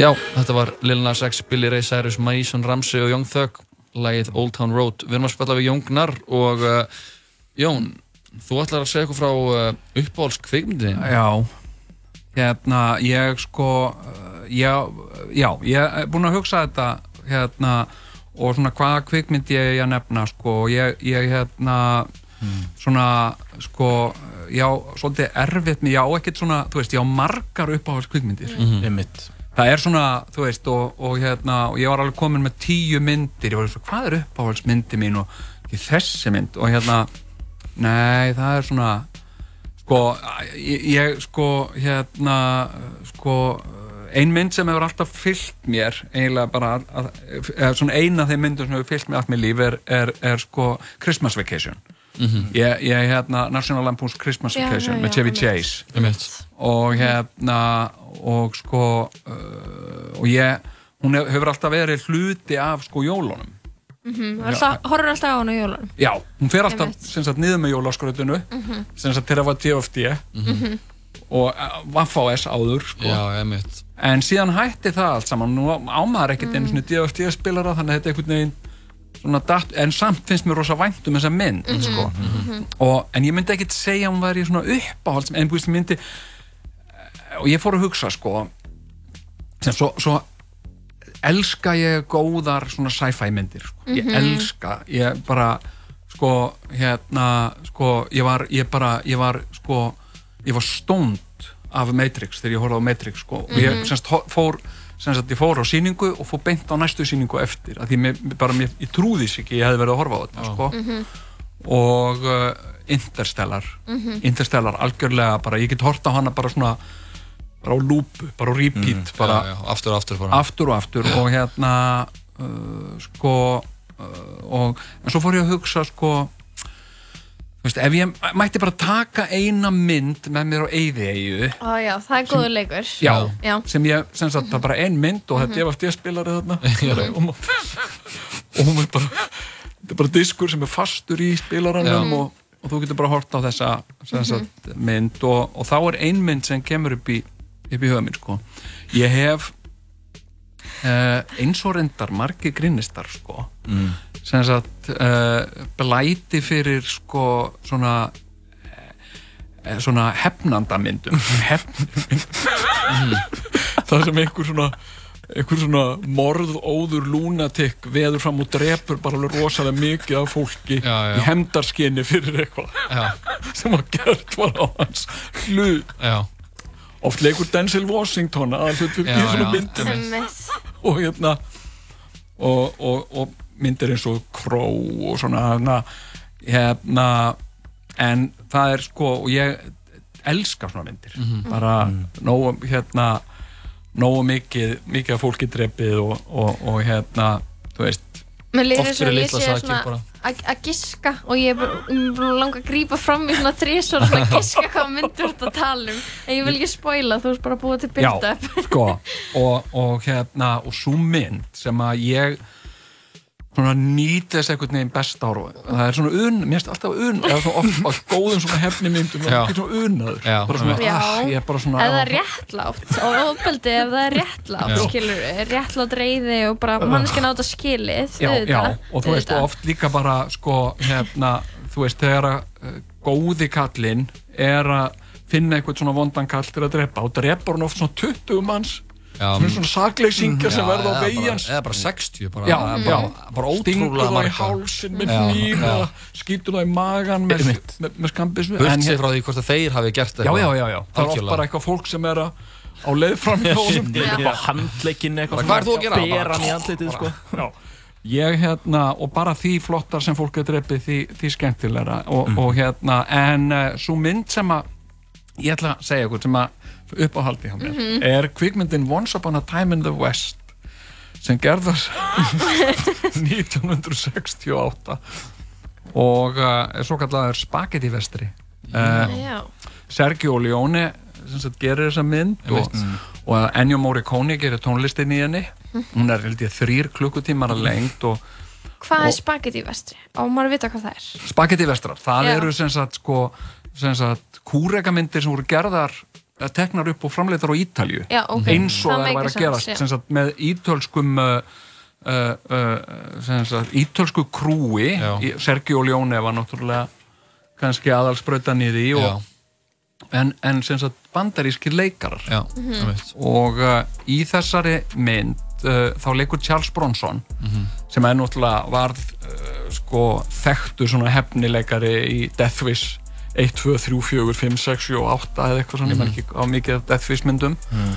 og hérna uh, og hérna hann leikur þar uh, sem sagt uh, típu sem heitir Mr. Harmonica Mhm. sem að er alltaf að spila á munnhörpu sama svona ömurlega stefið og er komin til þess að drepa Henry Fonda sem er Mhm. ógæðislega hérna vondur maður og hérna uh, og þetta er bara einhver sko, já, þetta er svona svo mynd sem að er mér svona hvað hjartfólknust sko. Mhm. það er bara, hún er, hún er stórkostlega vel gerð allar tökur í henn eru stórkostlega leikurinn er óaðfinnanlegur og, Mhm. og uh, og hérna sko uh, og, all, og öll morðin í henn eru óbústlega falleg Mhm. Hvernig er það, þú veist, er þetta gór eða er blóð að skvettast eða er þetta svona Nei, þetta er meira hljóðmynd Já, sko. ok. hún, hún, þessi mynd sko, hún leikur rosa mikið á hljóðmynd það er til mig sko eitt atriði sem að er bara með uppáhaldsatriðum mínum í kvikmyndasögunni sko það er þegar að sko það er uh, fjölskylda sem að hefur uh, sko tekið sér lítið land og, og hérna og uh, það er sem sagt uh, faðir og, og hérna uh, og börnin hans Mhm. sem, sagt, sem eru bara börn og unglingar og svo koma vondukallarnir Mhm. og, og hérna og drepa alla skjóta, skjóta alla og það er sko gert með hljóðmyndinni með alveg rosalega háum byssukvellum og svo Mhm. sérðu fólk sem detta niður og sem sagt yngsta barnið, litli strákurinn hann er inn í húsi og svo sjáum við sko hérna uh, sjáum við sko svona hans point of view þegar hann hleypur út úr húsinu og beint út í sólina Mhm. og, uh, og þá kemur uh, sko, heyrum við bara svona og svona fótatak og svo í hurðagáttinni að þá hérna, smellur á með Ennio Morricone ég get ekki, það er, það er, þetta er Nei, svona, ekki Og það er hann að, hann að deyja á þessu mómenti eða? Nei, þá stendur litli strákurinn þarna og mam, sem sagt pappans og sískin hans líkja bara döið þarna á hlaðinu Já, já, já. og vondukallarnir Er það bak og burt eða? Nei, Ég- þeir ok. standa þarna í svona síðum leður frökkum Ok. og allir með byssur og aðal, aðal sagt Henry Fonda sem, a, sem að er þarna hann er á hest. Já, hann er, hann er aðal vondi Mhm. Og hann segir einn vondikallinn bendir á strákin sem er náttúrulega bara skítrættur sko Mhm. spyr, spyr sem sagt what we gonna do about this one Frank og Frank svona tyggur eitthvað svona tóbak og svona spýtir því svona út úr sér Mhm. og segir well now that you, men now, now that you mention my name og svo heyrum við skotkveld sem, sagt, Ah. sem að breytist í flaut í játbrutalest þetta er algjörlega mér finnst þetta sko mér finnst þetta einhver al stórkostlegasta mynd Mhm. sem að sem sagt, Hefur verið gerð? Ég myndi híklust ég myndi híklust taka hana með mér á eði Þetta hljómar mjög vel sko. Þetta er Once, once Upon a Time in the West. Once Upon a Time in the West Ok. já. og hérna og hann náttúrulega gerði þarna sko fullt af myndum Good, the Bad and the Ugly og, Mhm. já, og hérna og, og bara þarna fer einhvern veginn allt saman sko, ég líka sko ég, ég hef ekki gaman af tónlist. Einmitt. Nei, ég meina þetta er bara og ég reyni, ég hef virkilega reynt vegna þess að ég á svo mikið af sko vinum sem eru tónlistar fólk og hérna það er eitthvað svo flækir svo fyrir það er allt menn á íslensku ja, hérna svo mikið vinni sem eru tónlistarfólk Mhm, Já. mhm. og uh, og þú veist, ég uh, þú veist, ég forðast að fara á alla tónleika en ég bara get það ekki Einmitt. Þetta er náttúrulega mikill hávæð oft sko Já, og svo er þetta bara leiðilegt þetta er bara svona þetta er svona áreiti og þetta trublar Mhm, mig mhm. Já. og hérna en það er helst svona í kvikmyndum sjónvarsþáttum, þar sem ég get afborið tónlist, oft Mhm. finnst mér líka minnst fínt til dæmis sko í upphafi sko sjónvarsþátta þá finnst mér lögin eru svona temmilega stöttur oft bara svona 30 sekundur áður en finnst það- mér finnst það- þá er ég komin með svolítið, svolítið óþól Já, það er líka sko tónlist sko frekar sem einhver svona veist, eins og ef þú ert á, á veitingastað og það er eitthvað svona þú tekur ekki eftir tónlistinni það er eitthvað svona, já. er svona hluti af einhverju einhverju einhverju rými eða eitthvað atmos bara. Já. já, já. Finnst það allt öðru í en sko hávær tónlist skilur Já, ég reyndar sko sagt, mér finnst hún svona eins og sko uh, svona eins og bara að vera með tinnitus, að vera með svona suð í eirónum maður heyr, maður kannski hættir að hugsa um það Mm. þá heyrir maður það ekki Mhm. eins og um leið og maður þetta er bara svona áreiti sko Já, maður mann tónlist. eftir því þá getur maður ekki hætt að að- Já, mörguleiti sko Ég hlustaði svo mikið tónlist öllum stundum Ég Já. er bara með tónlist í eyrunum allan daginn og Ég get ekki þetta að vera eiginlega sko Þú hlustar þú aldrei. á tónlist eða hvað, Jakob? Uh, jú, ég, ég var að ljóða ef ég sagði að ég hlusta aldrei á tónlist en ég skil ekki svona til dæmis hérna, maður á vini sem segja, ah, ég er ekki með hirnatól þá nenni ég ekki að lappa heim. Já, já. ha, er þetta að hlusta tónlist þegar þú lappar? Já, ég geri það. Mér það til dæmis alveg, sko, þú veist, ég geri það ekki, sko Nei. Nei, Mér finnst einu eiginlega, sko, skiptin sem mér finnst uh, skemmtilegt að hlusta tónlist er þegar ég er í bíl Mhm. og ég er að keira, kveikja tónlist. Það er svona hluta af því, sko. Ég ger aldrei. Ég keiri Nei. alltaf í algjöri þögn. Já. Nei, mér Ég bara, með bara huglega á meðan og svona. Nei, nei, ég bara Nei. hugsa eitthvað bull skilur Já, við já, bara ok. muna hérna, já, ég ætla að kaupa brúsa hérna til að eiga, já, einmitt hérna, já, já, ég er bara eitthvað svo bull sko. Já. já, já. Ég er ekki, Mhm. þetta er ekki eitthvað svona, ég sé svona, ég þurfi næði til þess að einhvern veginn Snillingurinn þarf að hugsa Nei. það er ekki þannig, bara hérna Hér já. kemur gáfumennið eitthvað svona. Nei. Búin að vera í þögn í marga klukkutíma Nei og ég menna ég bara sko, ég hef oft þú veist, verið setið í bíl einhverja langa leið Já. hérna og uh, og hérna og þetta hefur oft orðið bara alveg rosalega óþægilegt sko. ég man hérna, það var einu svona maður sem að tók að sér að, að keira mig frá Houston í Texas til, til Dallas í Texas sem er svona tveggja tíma akstur á hraðbröð og hérna hann hafði útbúið einhvern playlista með einhvern svona Texas lögum Já. sem hann, hugsa, ég var ákvaða að gera hérna playlista, hann var bara virkilega næ sko. Já, já. Mhm. og hérna Smá og svona hérna, músiktúr bara?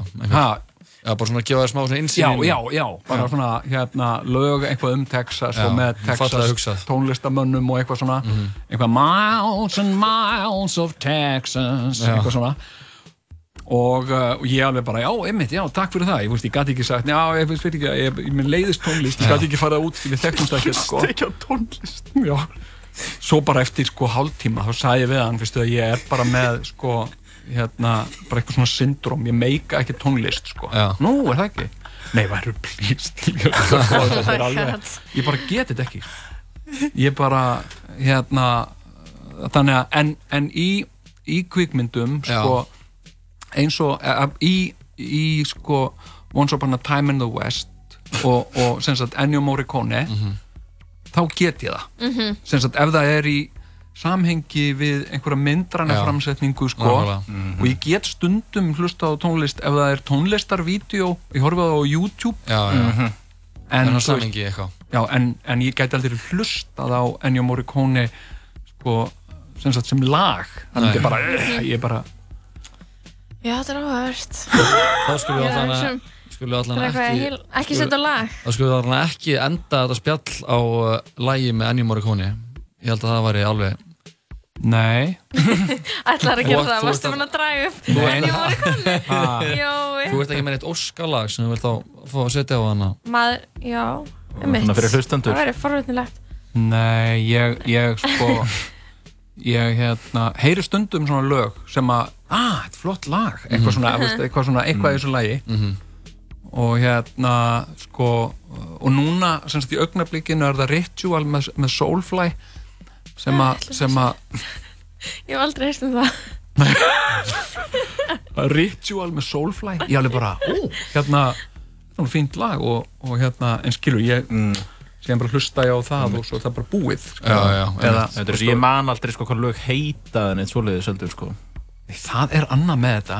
Ég man hvað öll lög heita. Já, þú man og ég kann alla text En þú bara hatar ég hata þau ekki en mér finnst þau svona þú veist, þetta er eins og kannski eitthvað svona ættingi sem að mann finnst opáslega væntum en er, er ótrúlega leiðilegur. Já, Einmitt. Já, einmitt. Það er alveg bara Það er svona- tónlist. Það er Það er svolítið tónlist. Það er svolítið tónlist fyrir mér sko En Jakob, nei, Jakob, Jón fyrir ekki. Þakka kjallaði fyrir komuna. Já, þakka ykkur. Og það var bara aðeinslega að fá, að fá þig í viðtála stöðinu Þú eru aldrei komið áður. Nei, aldrei komið. Ekki verið bóðið hingað frekar en í marga kvikmyndir. Nei, nei, hver veit nema að við munum ringi huminni og beðum að koma áttur Já, mín var ánægin Og uh, uppáhaldsmyndið þín, Once Upon a Time in the West Það er eitthvað sem við þurfum bara að horfa á krakkar. Við, Já, við ég er alveg selda á þetta dæmi sko. Já. Mhm. Ég, ég ætla að horfa á þetta, það er alveg klart mál Mhm. Þetta er, já, já Þetta er sko spennumynd Er rómans í henni? Ha? Er rómans í henni? Sko, það er Nei, næstum þá því er það ekki. Já. það er, það er næstum því Mhm. næstum, En ég meina, Róma, er, og rómans og rómatík, það er, það er náttúrulega ekki svona föðurlandsást og það, hún er rómatík. Sko, Ég er að tala um ást á milli mannesku og mannesku Já, skilurðu, sko, það- Claudia Karls og konu Já, uh, uh, Claudia Cardinal fer með Mhm. stórt hlutverk í myndinni Og er hún love interest eða? Sko, uh, Mm, já og nei. Ok, Þetta er sko, ég, ég, ég, ég sko ég vil ekki spoila sko. Nei, ok. Af því að nú eru fullt af fólki hérna úti sem er bara, heyrðu, verðum hann á þessa mynd. Já, já. Og, og Veitu hvað heitir hún aftur, heldur fyrir eirun núna bara. Once upon a time in the West. Já. Once upon a time in- Já, þetta katt sér nafn. Mhm. Já, og hérna, en hún he, sko, upprannlega titlininn er ítalskur sko. Já, mm. þannig að hérna, já Við tjekkum á þessu. já, gerum það Þakka kjærlega fyrir kominu, Jón. Takk fyrir mig. Talk to me and watch me crumble.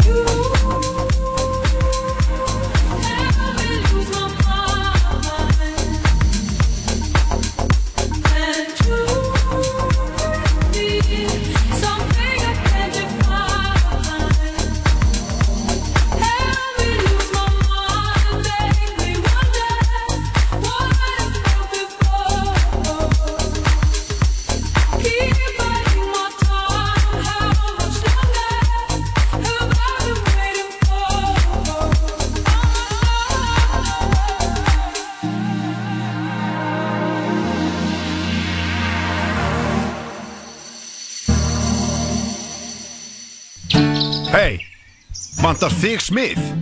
770 60 33 Eða bara á Facebook Og líka minn segir takk ó fyrir mig. Serrano. Fresh. Happy. Max. Þú getur hlusta á alla þættina af Tala Saman á Spotify. Uh-uh, fuck that. Eight doobies to the face, fuck that.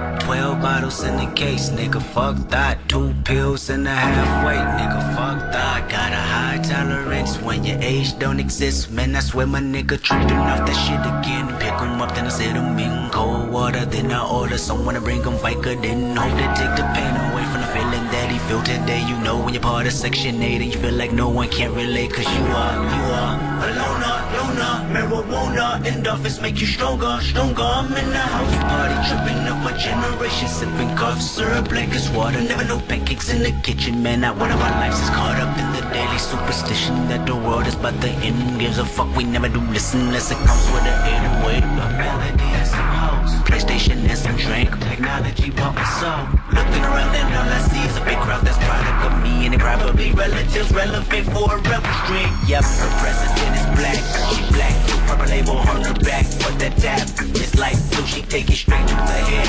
Then she look at me, she got ADHD. Eight doobies to the face, fuck that.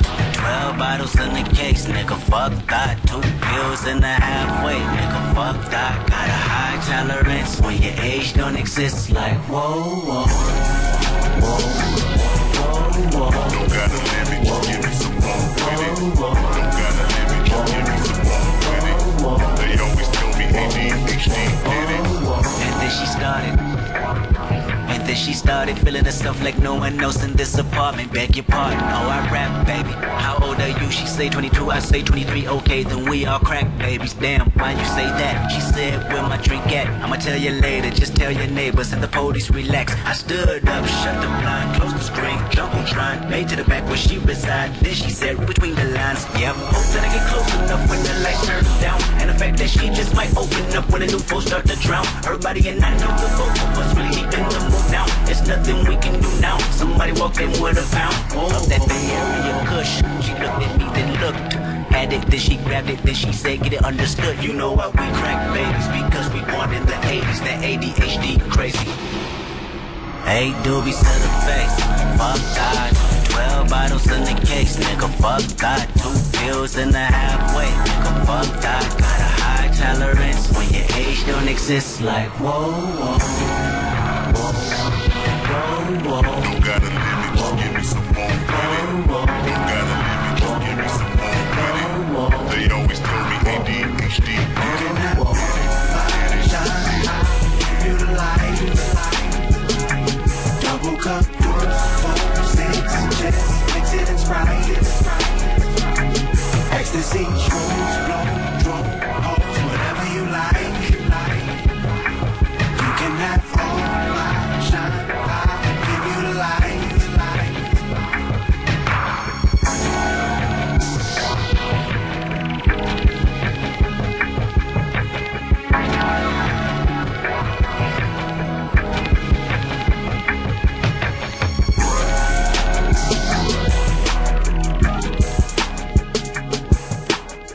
Kendrick Lamar, lagið heitir ADHD eða ADHD þetta er af blöðunni Section, Section 80 sem uh, hann gaf út árið 2011 þú ert að lausta á sítið tala saman með Jóhanni Lóu og uh, Jakobi. Við vorum að hvaðja Jón Gnar hann var hérna í, í liðnum kvikmyndi það sem var að segja eitthvað frá sinni uppáhalds kvikmynd. Það var uh, bjömyndin Once Upon a Time in the West. Við þurfum eitthvað að fara að tjekka henni krakkar. Við erum ekki alveg nóg vel að okkur í spaket í vesturum Nei, einmitt. Um, talandi um kvikmyndir, þá er náttúrulega ný Tarantino mynd komin út og leiðin að koma út á Íslandi. Já. Frumsýning á morgun, eða ekki? Nei, það er forsýning á morgun já, sem, uh, fyrirgefðu. já, það er- það er ekki verið alltaf, hún er frumsýnd 13. ágúst Mhm. og uh, við ætlum að ringja fá Í- smá insýn Já, við ætlum að ringja í hana Hebu Þórusdóttir. Hún er yfir sko hár og make-up Já, hár og förðun. Já, hár og förðun. Hún hefur unnið mjög mikið með Tarantino áður Mhm. Og þess vegna langaði mig bara að uh, bjalla í hana. slá á þráðin Já, og sko þarna komast það í hvernig er að vinna með þessu fólki alltaf Leonardo DiCaprio Brad Pitt, Brad Pitt Margot Robbie, það er alveg bara stórstjörnum alltaf ef þú ert að, ert að vinna með Brad Pitt Mhm. og Leonardo DiCaprio Mhm. þá ertu alveg í góðum máli myndi ég segja sko. Já, hún er búin að vera að vinna í Hollywood í sko 20 ár Mhm. það er bara að ringja núna Það er að ringja Já, er þetta hepa? Já. Já, góðan, góðan daginn þú ert sko í beinni útsendingu á 101 Ok, halló Ísland. Halló, halló Þannig að hvað, segir hepa? Hvernig var að að vinna í Once Upon a Time í- in Hollywood? Það var bara alveg rosalega gaman að bara drauma, drauma mynd að vinna á vegna þess að þið voru náttúrulega að tala um Once Upon a Time in the West og svo er Once Upon a Time in America og nú Once Upon a Time in Hollywood og þetta er Mhm. allt uppáhaldsmyndir hjá mér og mæli einleiki með að þið bara sjáu þar allar.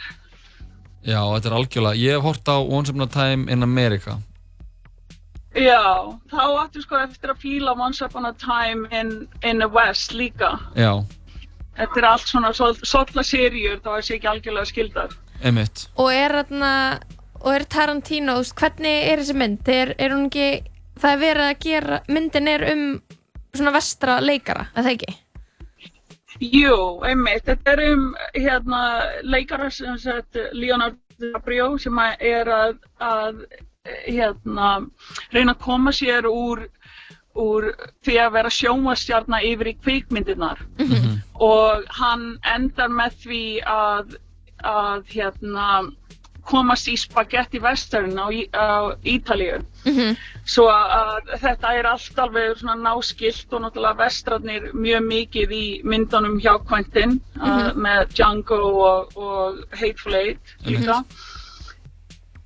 Og en annars er Quentin bara alveg rosalega skemmtilegur að vinna með og það er alltaf, hann náttúrulega tekur alltaf filmu sem að er orðið því miður alltaf sjálfgæft og, og spennandi svona fyrir ung fólk að geta séð myndir á, þú sem eru skottan á kvikmynd og vonandi síndar á kvikmynd. Ég veit ekki alveg hvort það séu síndar á 35 milki á Íslandi. Ég held ekki En, sko. en Nei, se- það er sennilega ekki til lengur sko og, og hérna en ef að það, það er náttúrulega fólk ferðast mikið að ef það hafið séns á að sjá það á filmi þá er það náttúrulega rosa gaman.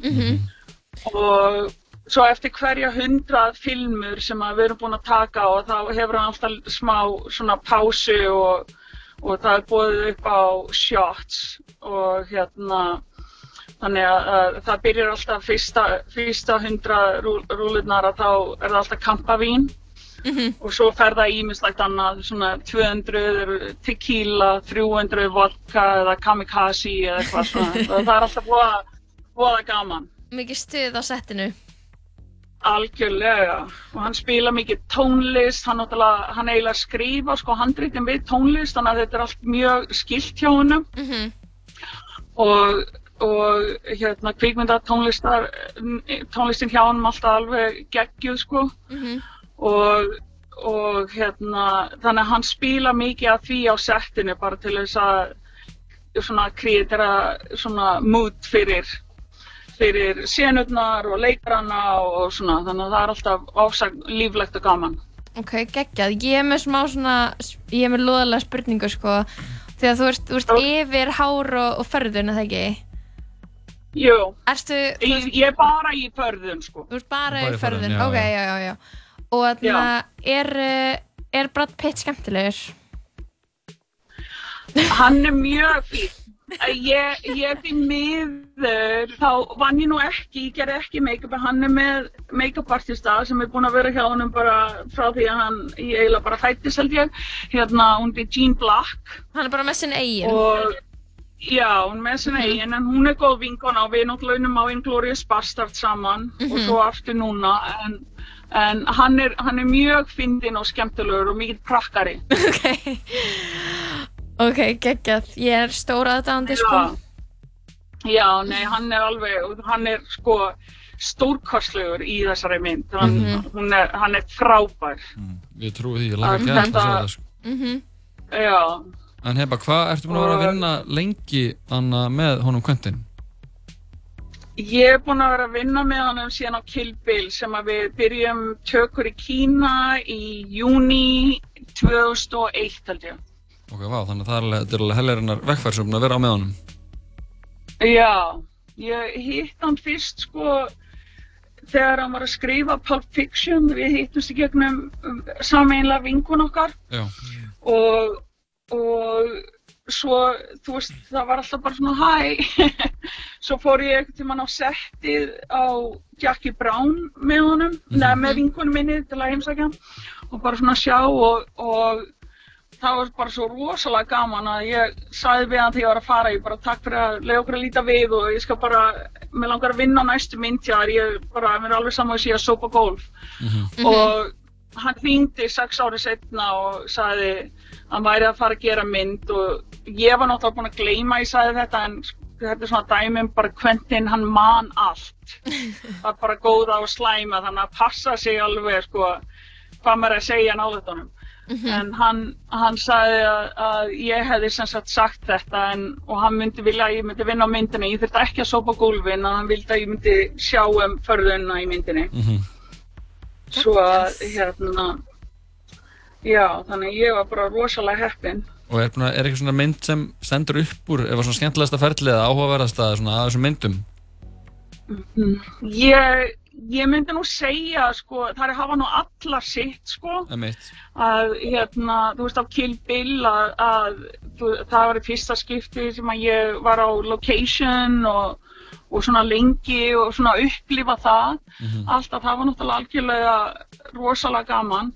En, en þessi mynd Once Upon a Time in Hollywood hún var náttúrulega spes skemmtileg vegna þess að hún er náttúrulega um businessin sem að við erum í. Mhm. og hún er skotin, skotin hérna í Hollywood sem að var, er ekkert gefið lengur sko. Og við notum, hann, hann er svo, hann gerir allt svona praktikal, hann, hann vil ekki að sé bara nota CGI til þess að setja upp einhverja backdrops og svoleiðis að hann bara breytti, þú veist, eitthvað fimm stórum blokkum á Hollywood Boulevard til dæmis í Hollywood Boulevard 1979 Já, einmitt. og, og fólk var að bara fríka út í það voru já. bara já, bara þúsundir manns og, og við vorum með Brad og Lee og að keira niður upp og niður Hollywood Boulevard og fólk var svoleiðis æpandi og öskrandi og, og það var bara það, fólk bara var algjörlega fríka út sko. og svo náttúrulega líka ég hann skrifaði smá hlutverk handa mér í myndinni líka Já, þú ert með cameo í myndinni. Hva, Ég hver, með hvern leikur cameo. Ég, ég, þetta er mjög mikið typecasting sko, en ég leik make-up artist sem heitir Sonja sem á sem sagt að vera að breyta Leonardo DiCaprio um, í ein- einni hans tökum í, í þætti sem heitir Lancers sem Mhm. eru gamlir úreka þættir hérna í, í Ameríku. Svo að það, það, var, það var mjög spes, þetta er nú ekki alveg það sem að ég var að reyna að gera, að vera með framamyndar en alls ekki sko. Það er ekki samt geggjað. Já, maður, þetta voru gaman fyrir barnabönnin að sjá það. Það var frábært að spjalla við þig og bara til hamingju með þessa mynd og við bara hlökkum til að sjá Já, hana. takk. Ok, hafa það Já. gott. Ok, bless, Já, bless, bye, já. takk. Bye. Bye. Já, þetta var virkilega áhugavert að, að fá að heyra heyra bara svona beint frá fyrstu hendi hvernig er að taka þátt í Já, beint frá bíli. beint frá bíli að vera að sminka, að sminka sko, Stjörnunar. já, bara Brat og er það grínast í mér hvað Þegar ég þú bara, vinnur bara með þeim og þú veist, þetta er rugglað ég sko. er bara að vinna bara með Brat og Líó ég er bara að trilla þessu tilhugsun Þú sko. verður að kynnast hepu almennilega og fá að kíkja í heimsókn maður, Jói. maður neglis til LA maður ringi bara, hvað segir, hvað er ekki Hepa, Brat- what's up? Hepa, og ég er ekki Brat og Líó er þeir ekki einhvers staðar hana og við getum öll farið bara og við getum gert eitthvað saman við, við fjögur svona. Er það ekki, hljómaði ekki svo eitthvað sem hann væri bara fyrst að gerast eða? Jói, pældi að mæta á settið á Jackie Brown. Já, mena, Það er alltaf uppáhalds Tarantino myndi mín. ah, Já, með þessum geggjuð sko. já, hún er ekki sko Bara, úst, út af aðleikoninu sko. já, já hún er bara styrluð um, pæli að mæta bara þangað og vera bara og byggja um vinnu og fá síðan vinnu Ég bara góðan daginn, eh, mér vant að vinnu, bara já, maður það er reynda sex árum síðar. En það var geggjað að heyri inn í heipu, Mhm. við slum hlusta á eitt lag og uh, við komum aftur og, og bindum aðeins saman hennan, hennan stút fulla þátt, Mhm. bara eftir áskama stund. Þetta er Kanye West, lagið heitir All Mine.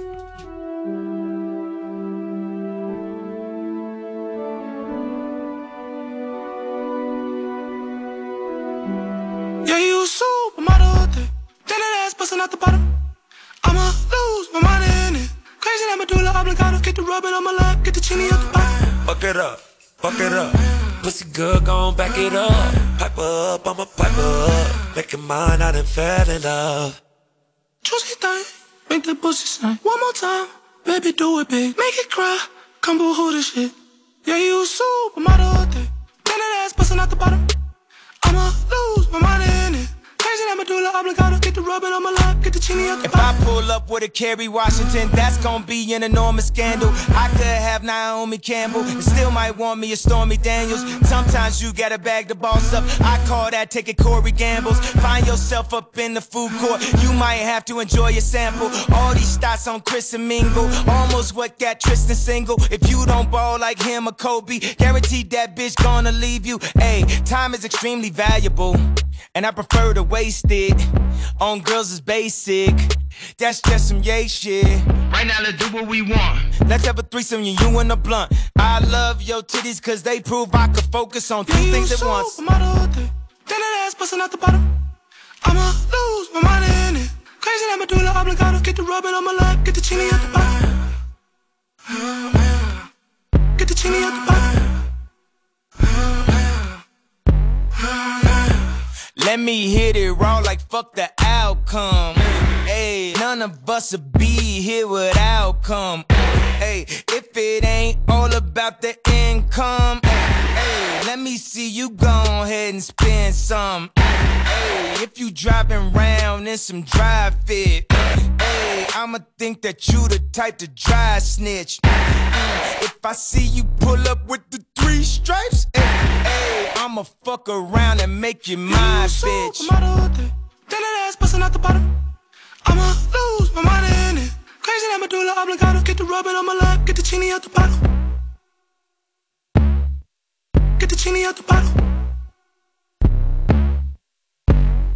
Já, þetta var Kanye West af uh, plötuninni Yay sem kom út í fyrra 2018 Þú ert að hlusta á sítistáttin tala saman með Jóhanni, Lóu og Jakobi. Við erum að vera með stút fullan þáttinn í dag. Það verður nú að líða á setja hlutan hjá okkur í dag. Já, það var gaman við fengum hann Jón Gunnar til okkar, hann sagði okkur frá Once Upon a Time in the West.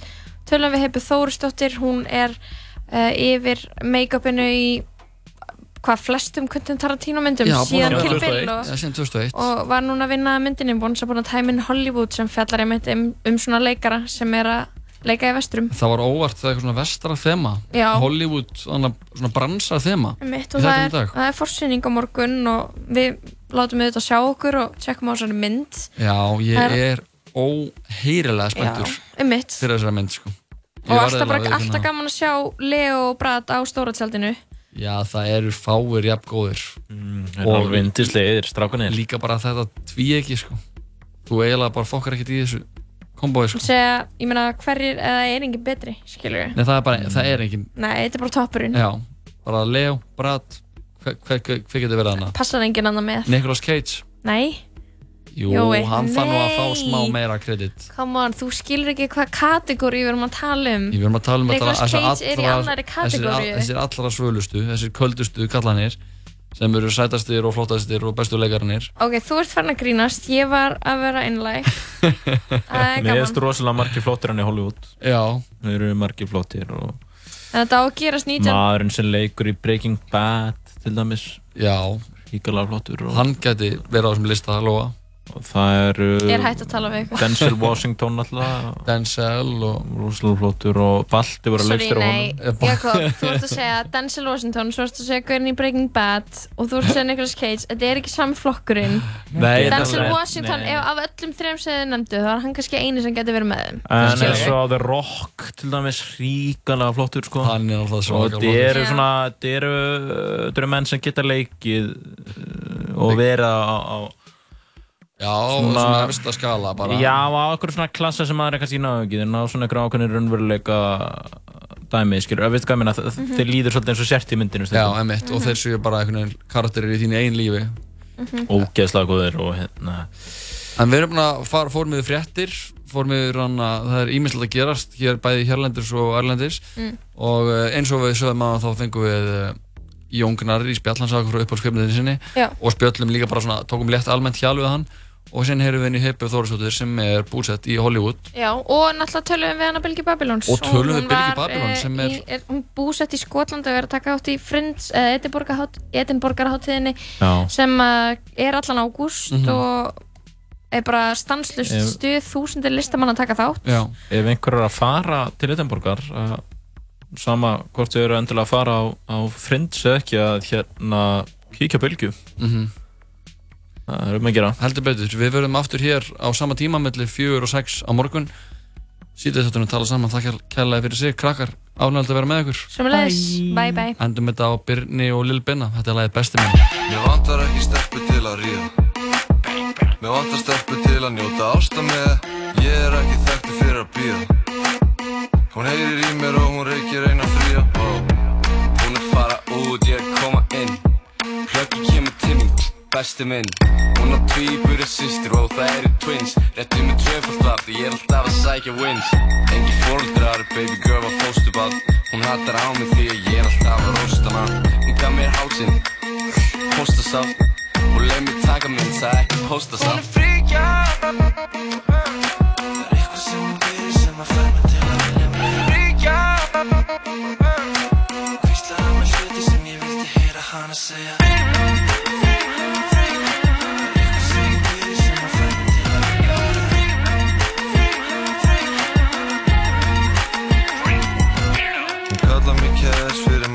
bein Hún kallar þig cash fyrir casual. Hún er með stóran rass sem hún er að bakka á mig. Það er as usual. Hún setur diamant í buksuna mínar. Ég held hún viti hvað ég er að hugsa núna. Hún setur diamant í buksuna mínar. Ég held hún viti hvað ég er að hugsa núna. Hún er fríkja. Það er eitthvað sem hún gerir sem að fær mig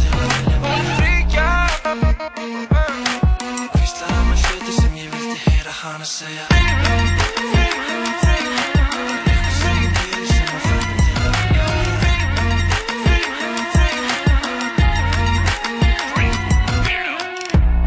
Baby, hvað ertu, ég er að leita þér. Velkomin í klubin, ég á heima hér. Hún kann að dansa svo ég þóra veðnum lein og sér. Ég fíla margætt svo það er ekki bara ein á mér. Það koma bad gæli til mín.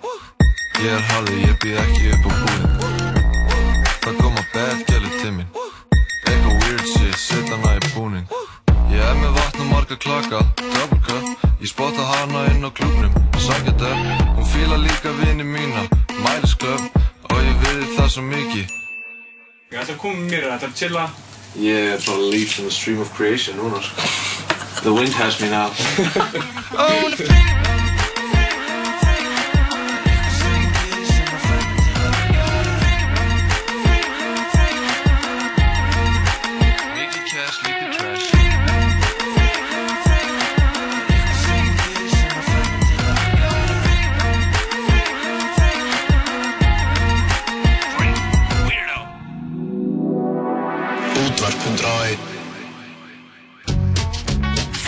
áfylling á kókið.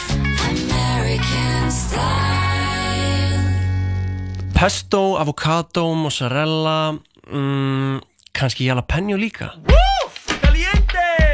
Joe and the Juice kaffi, djús og svo miklu meira.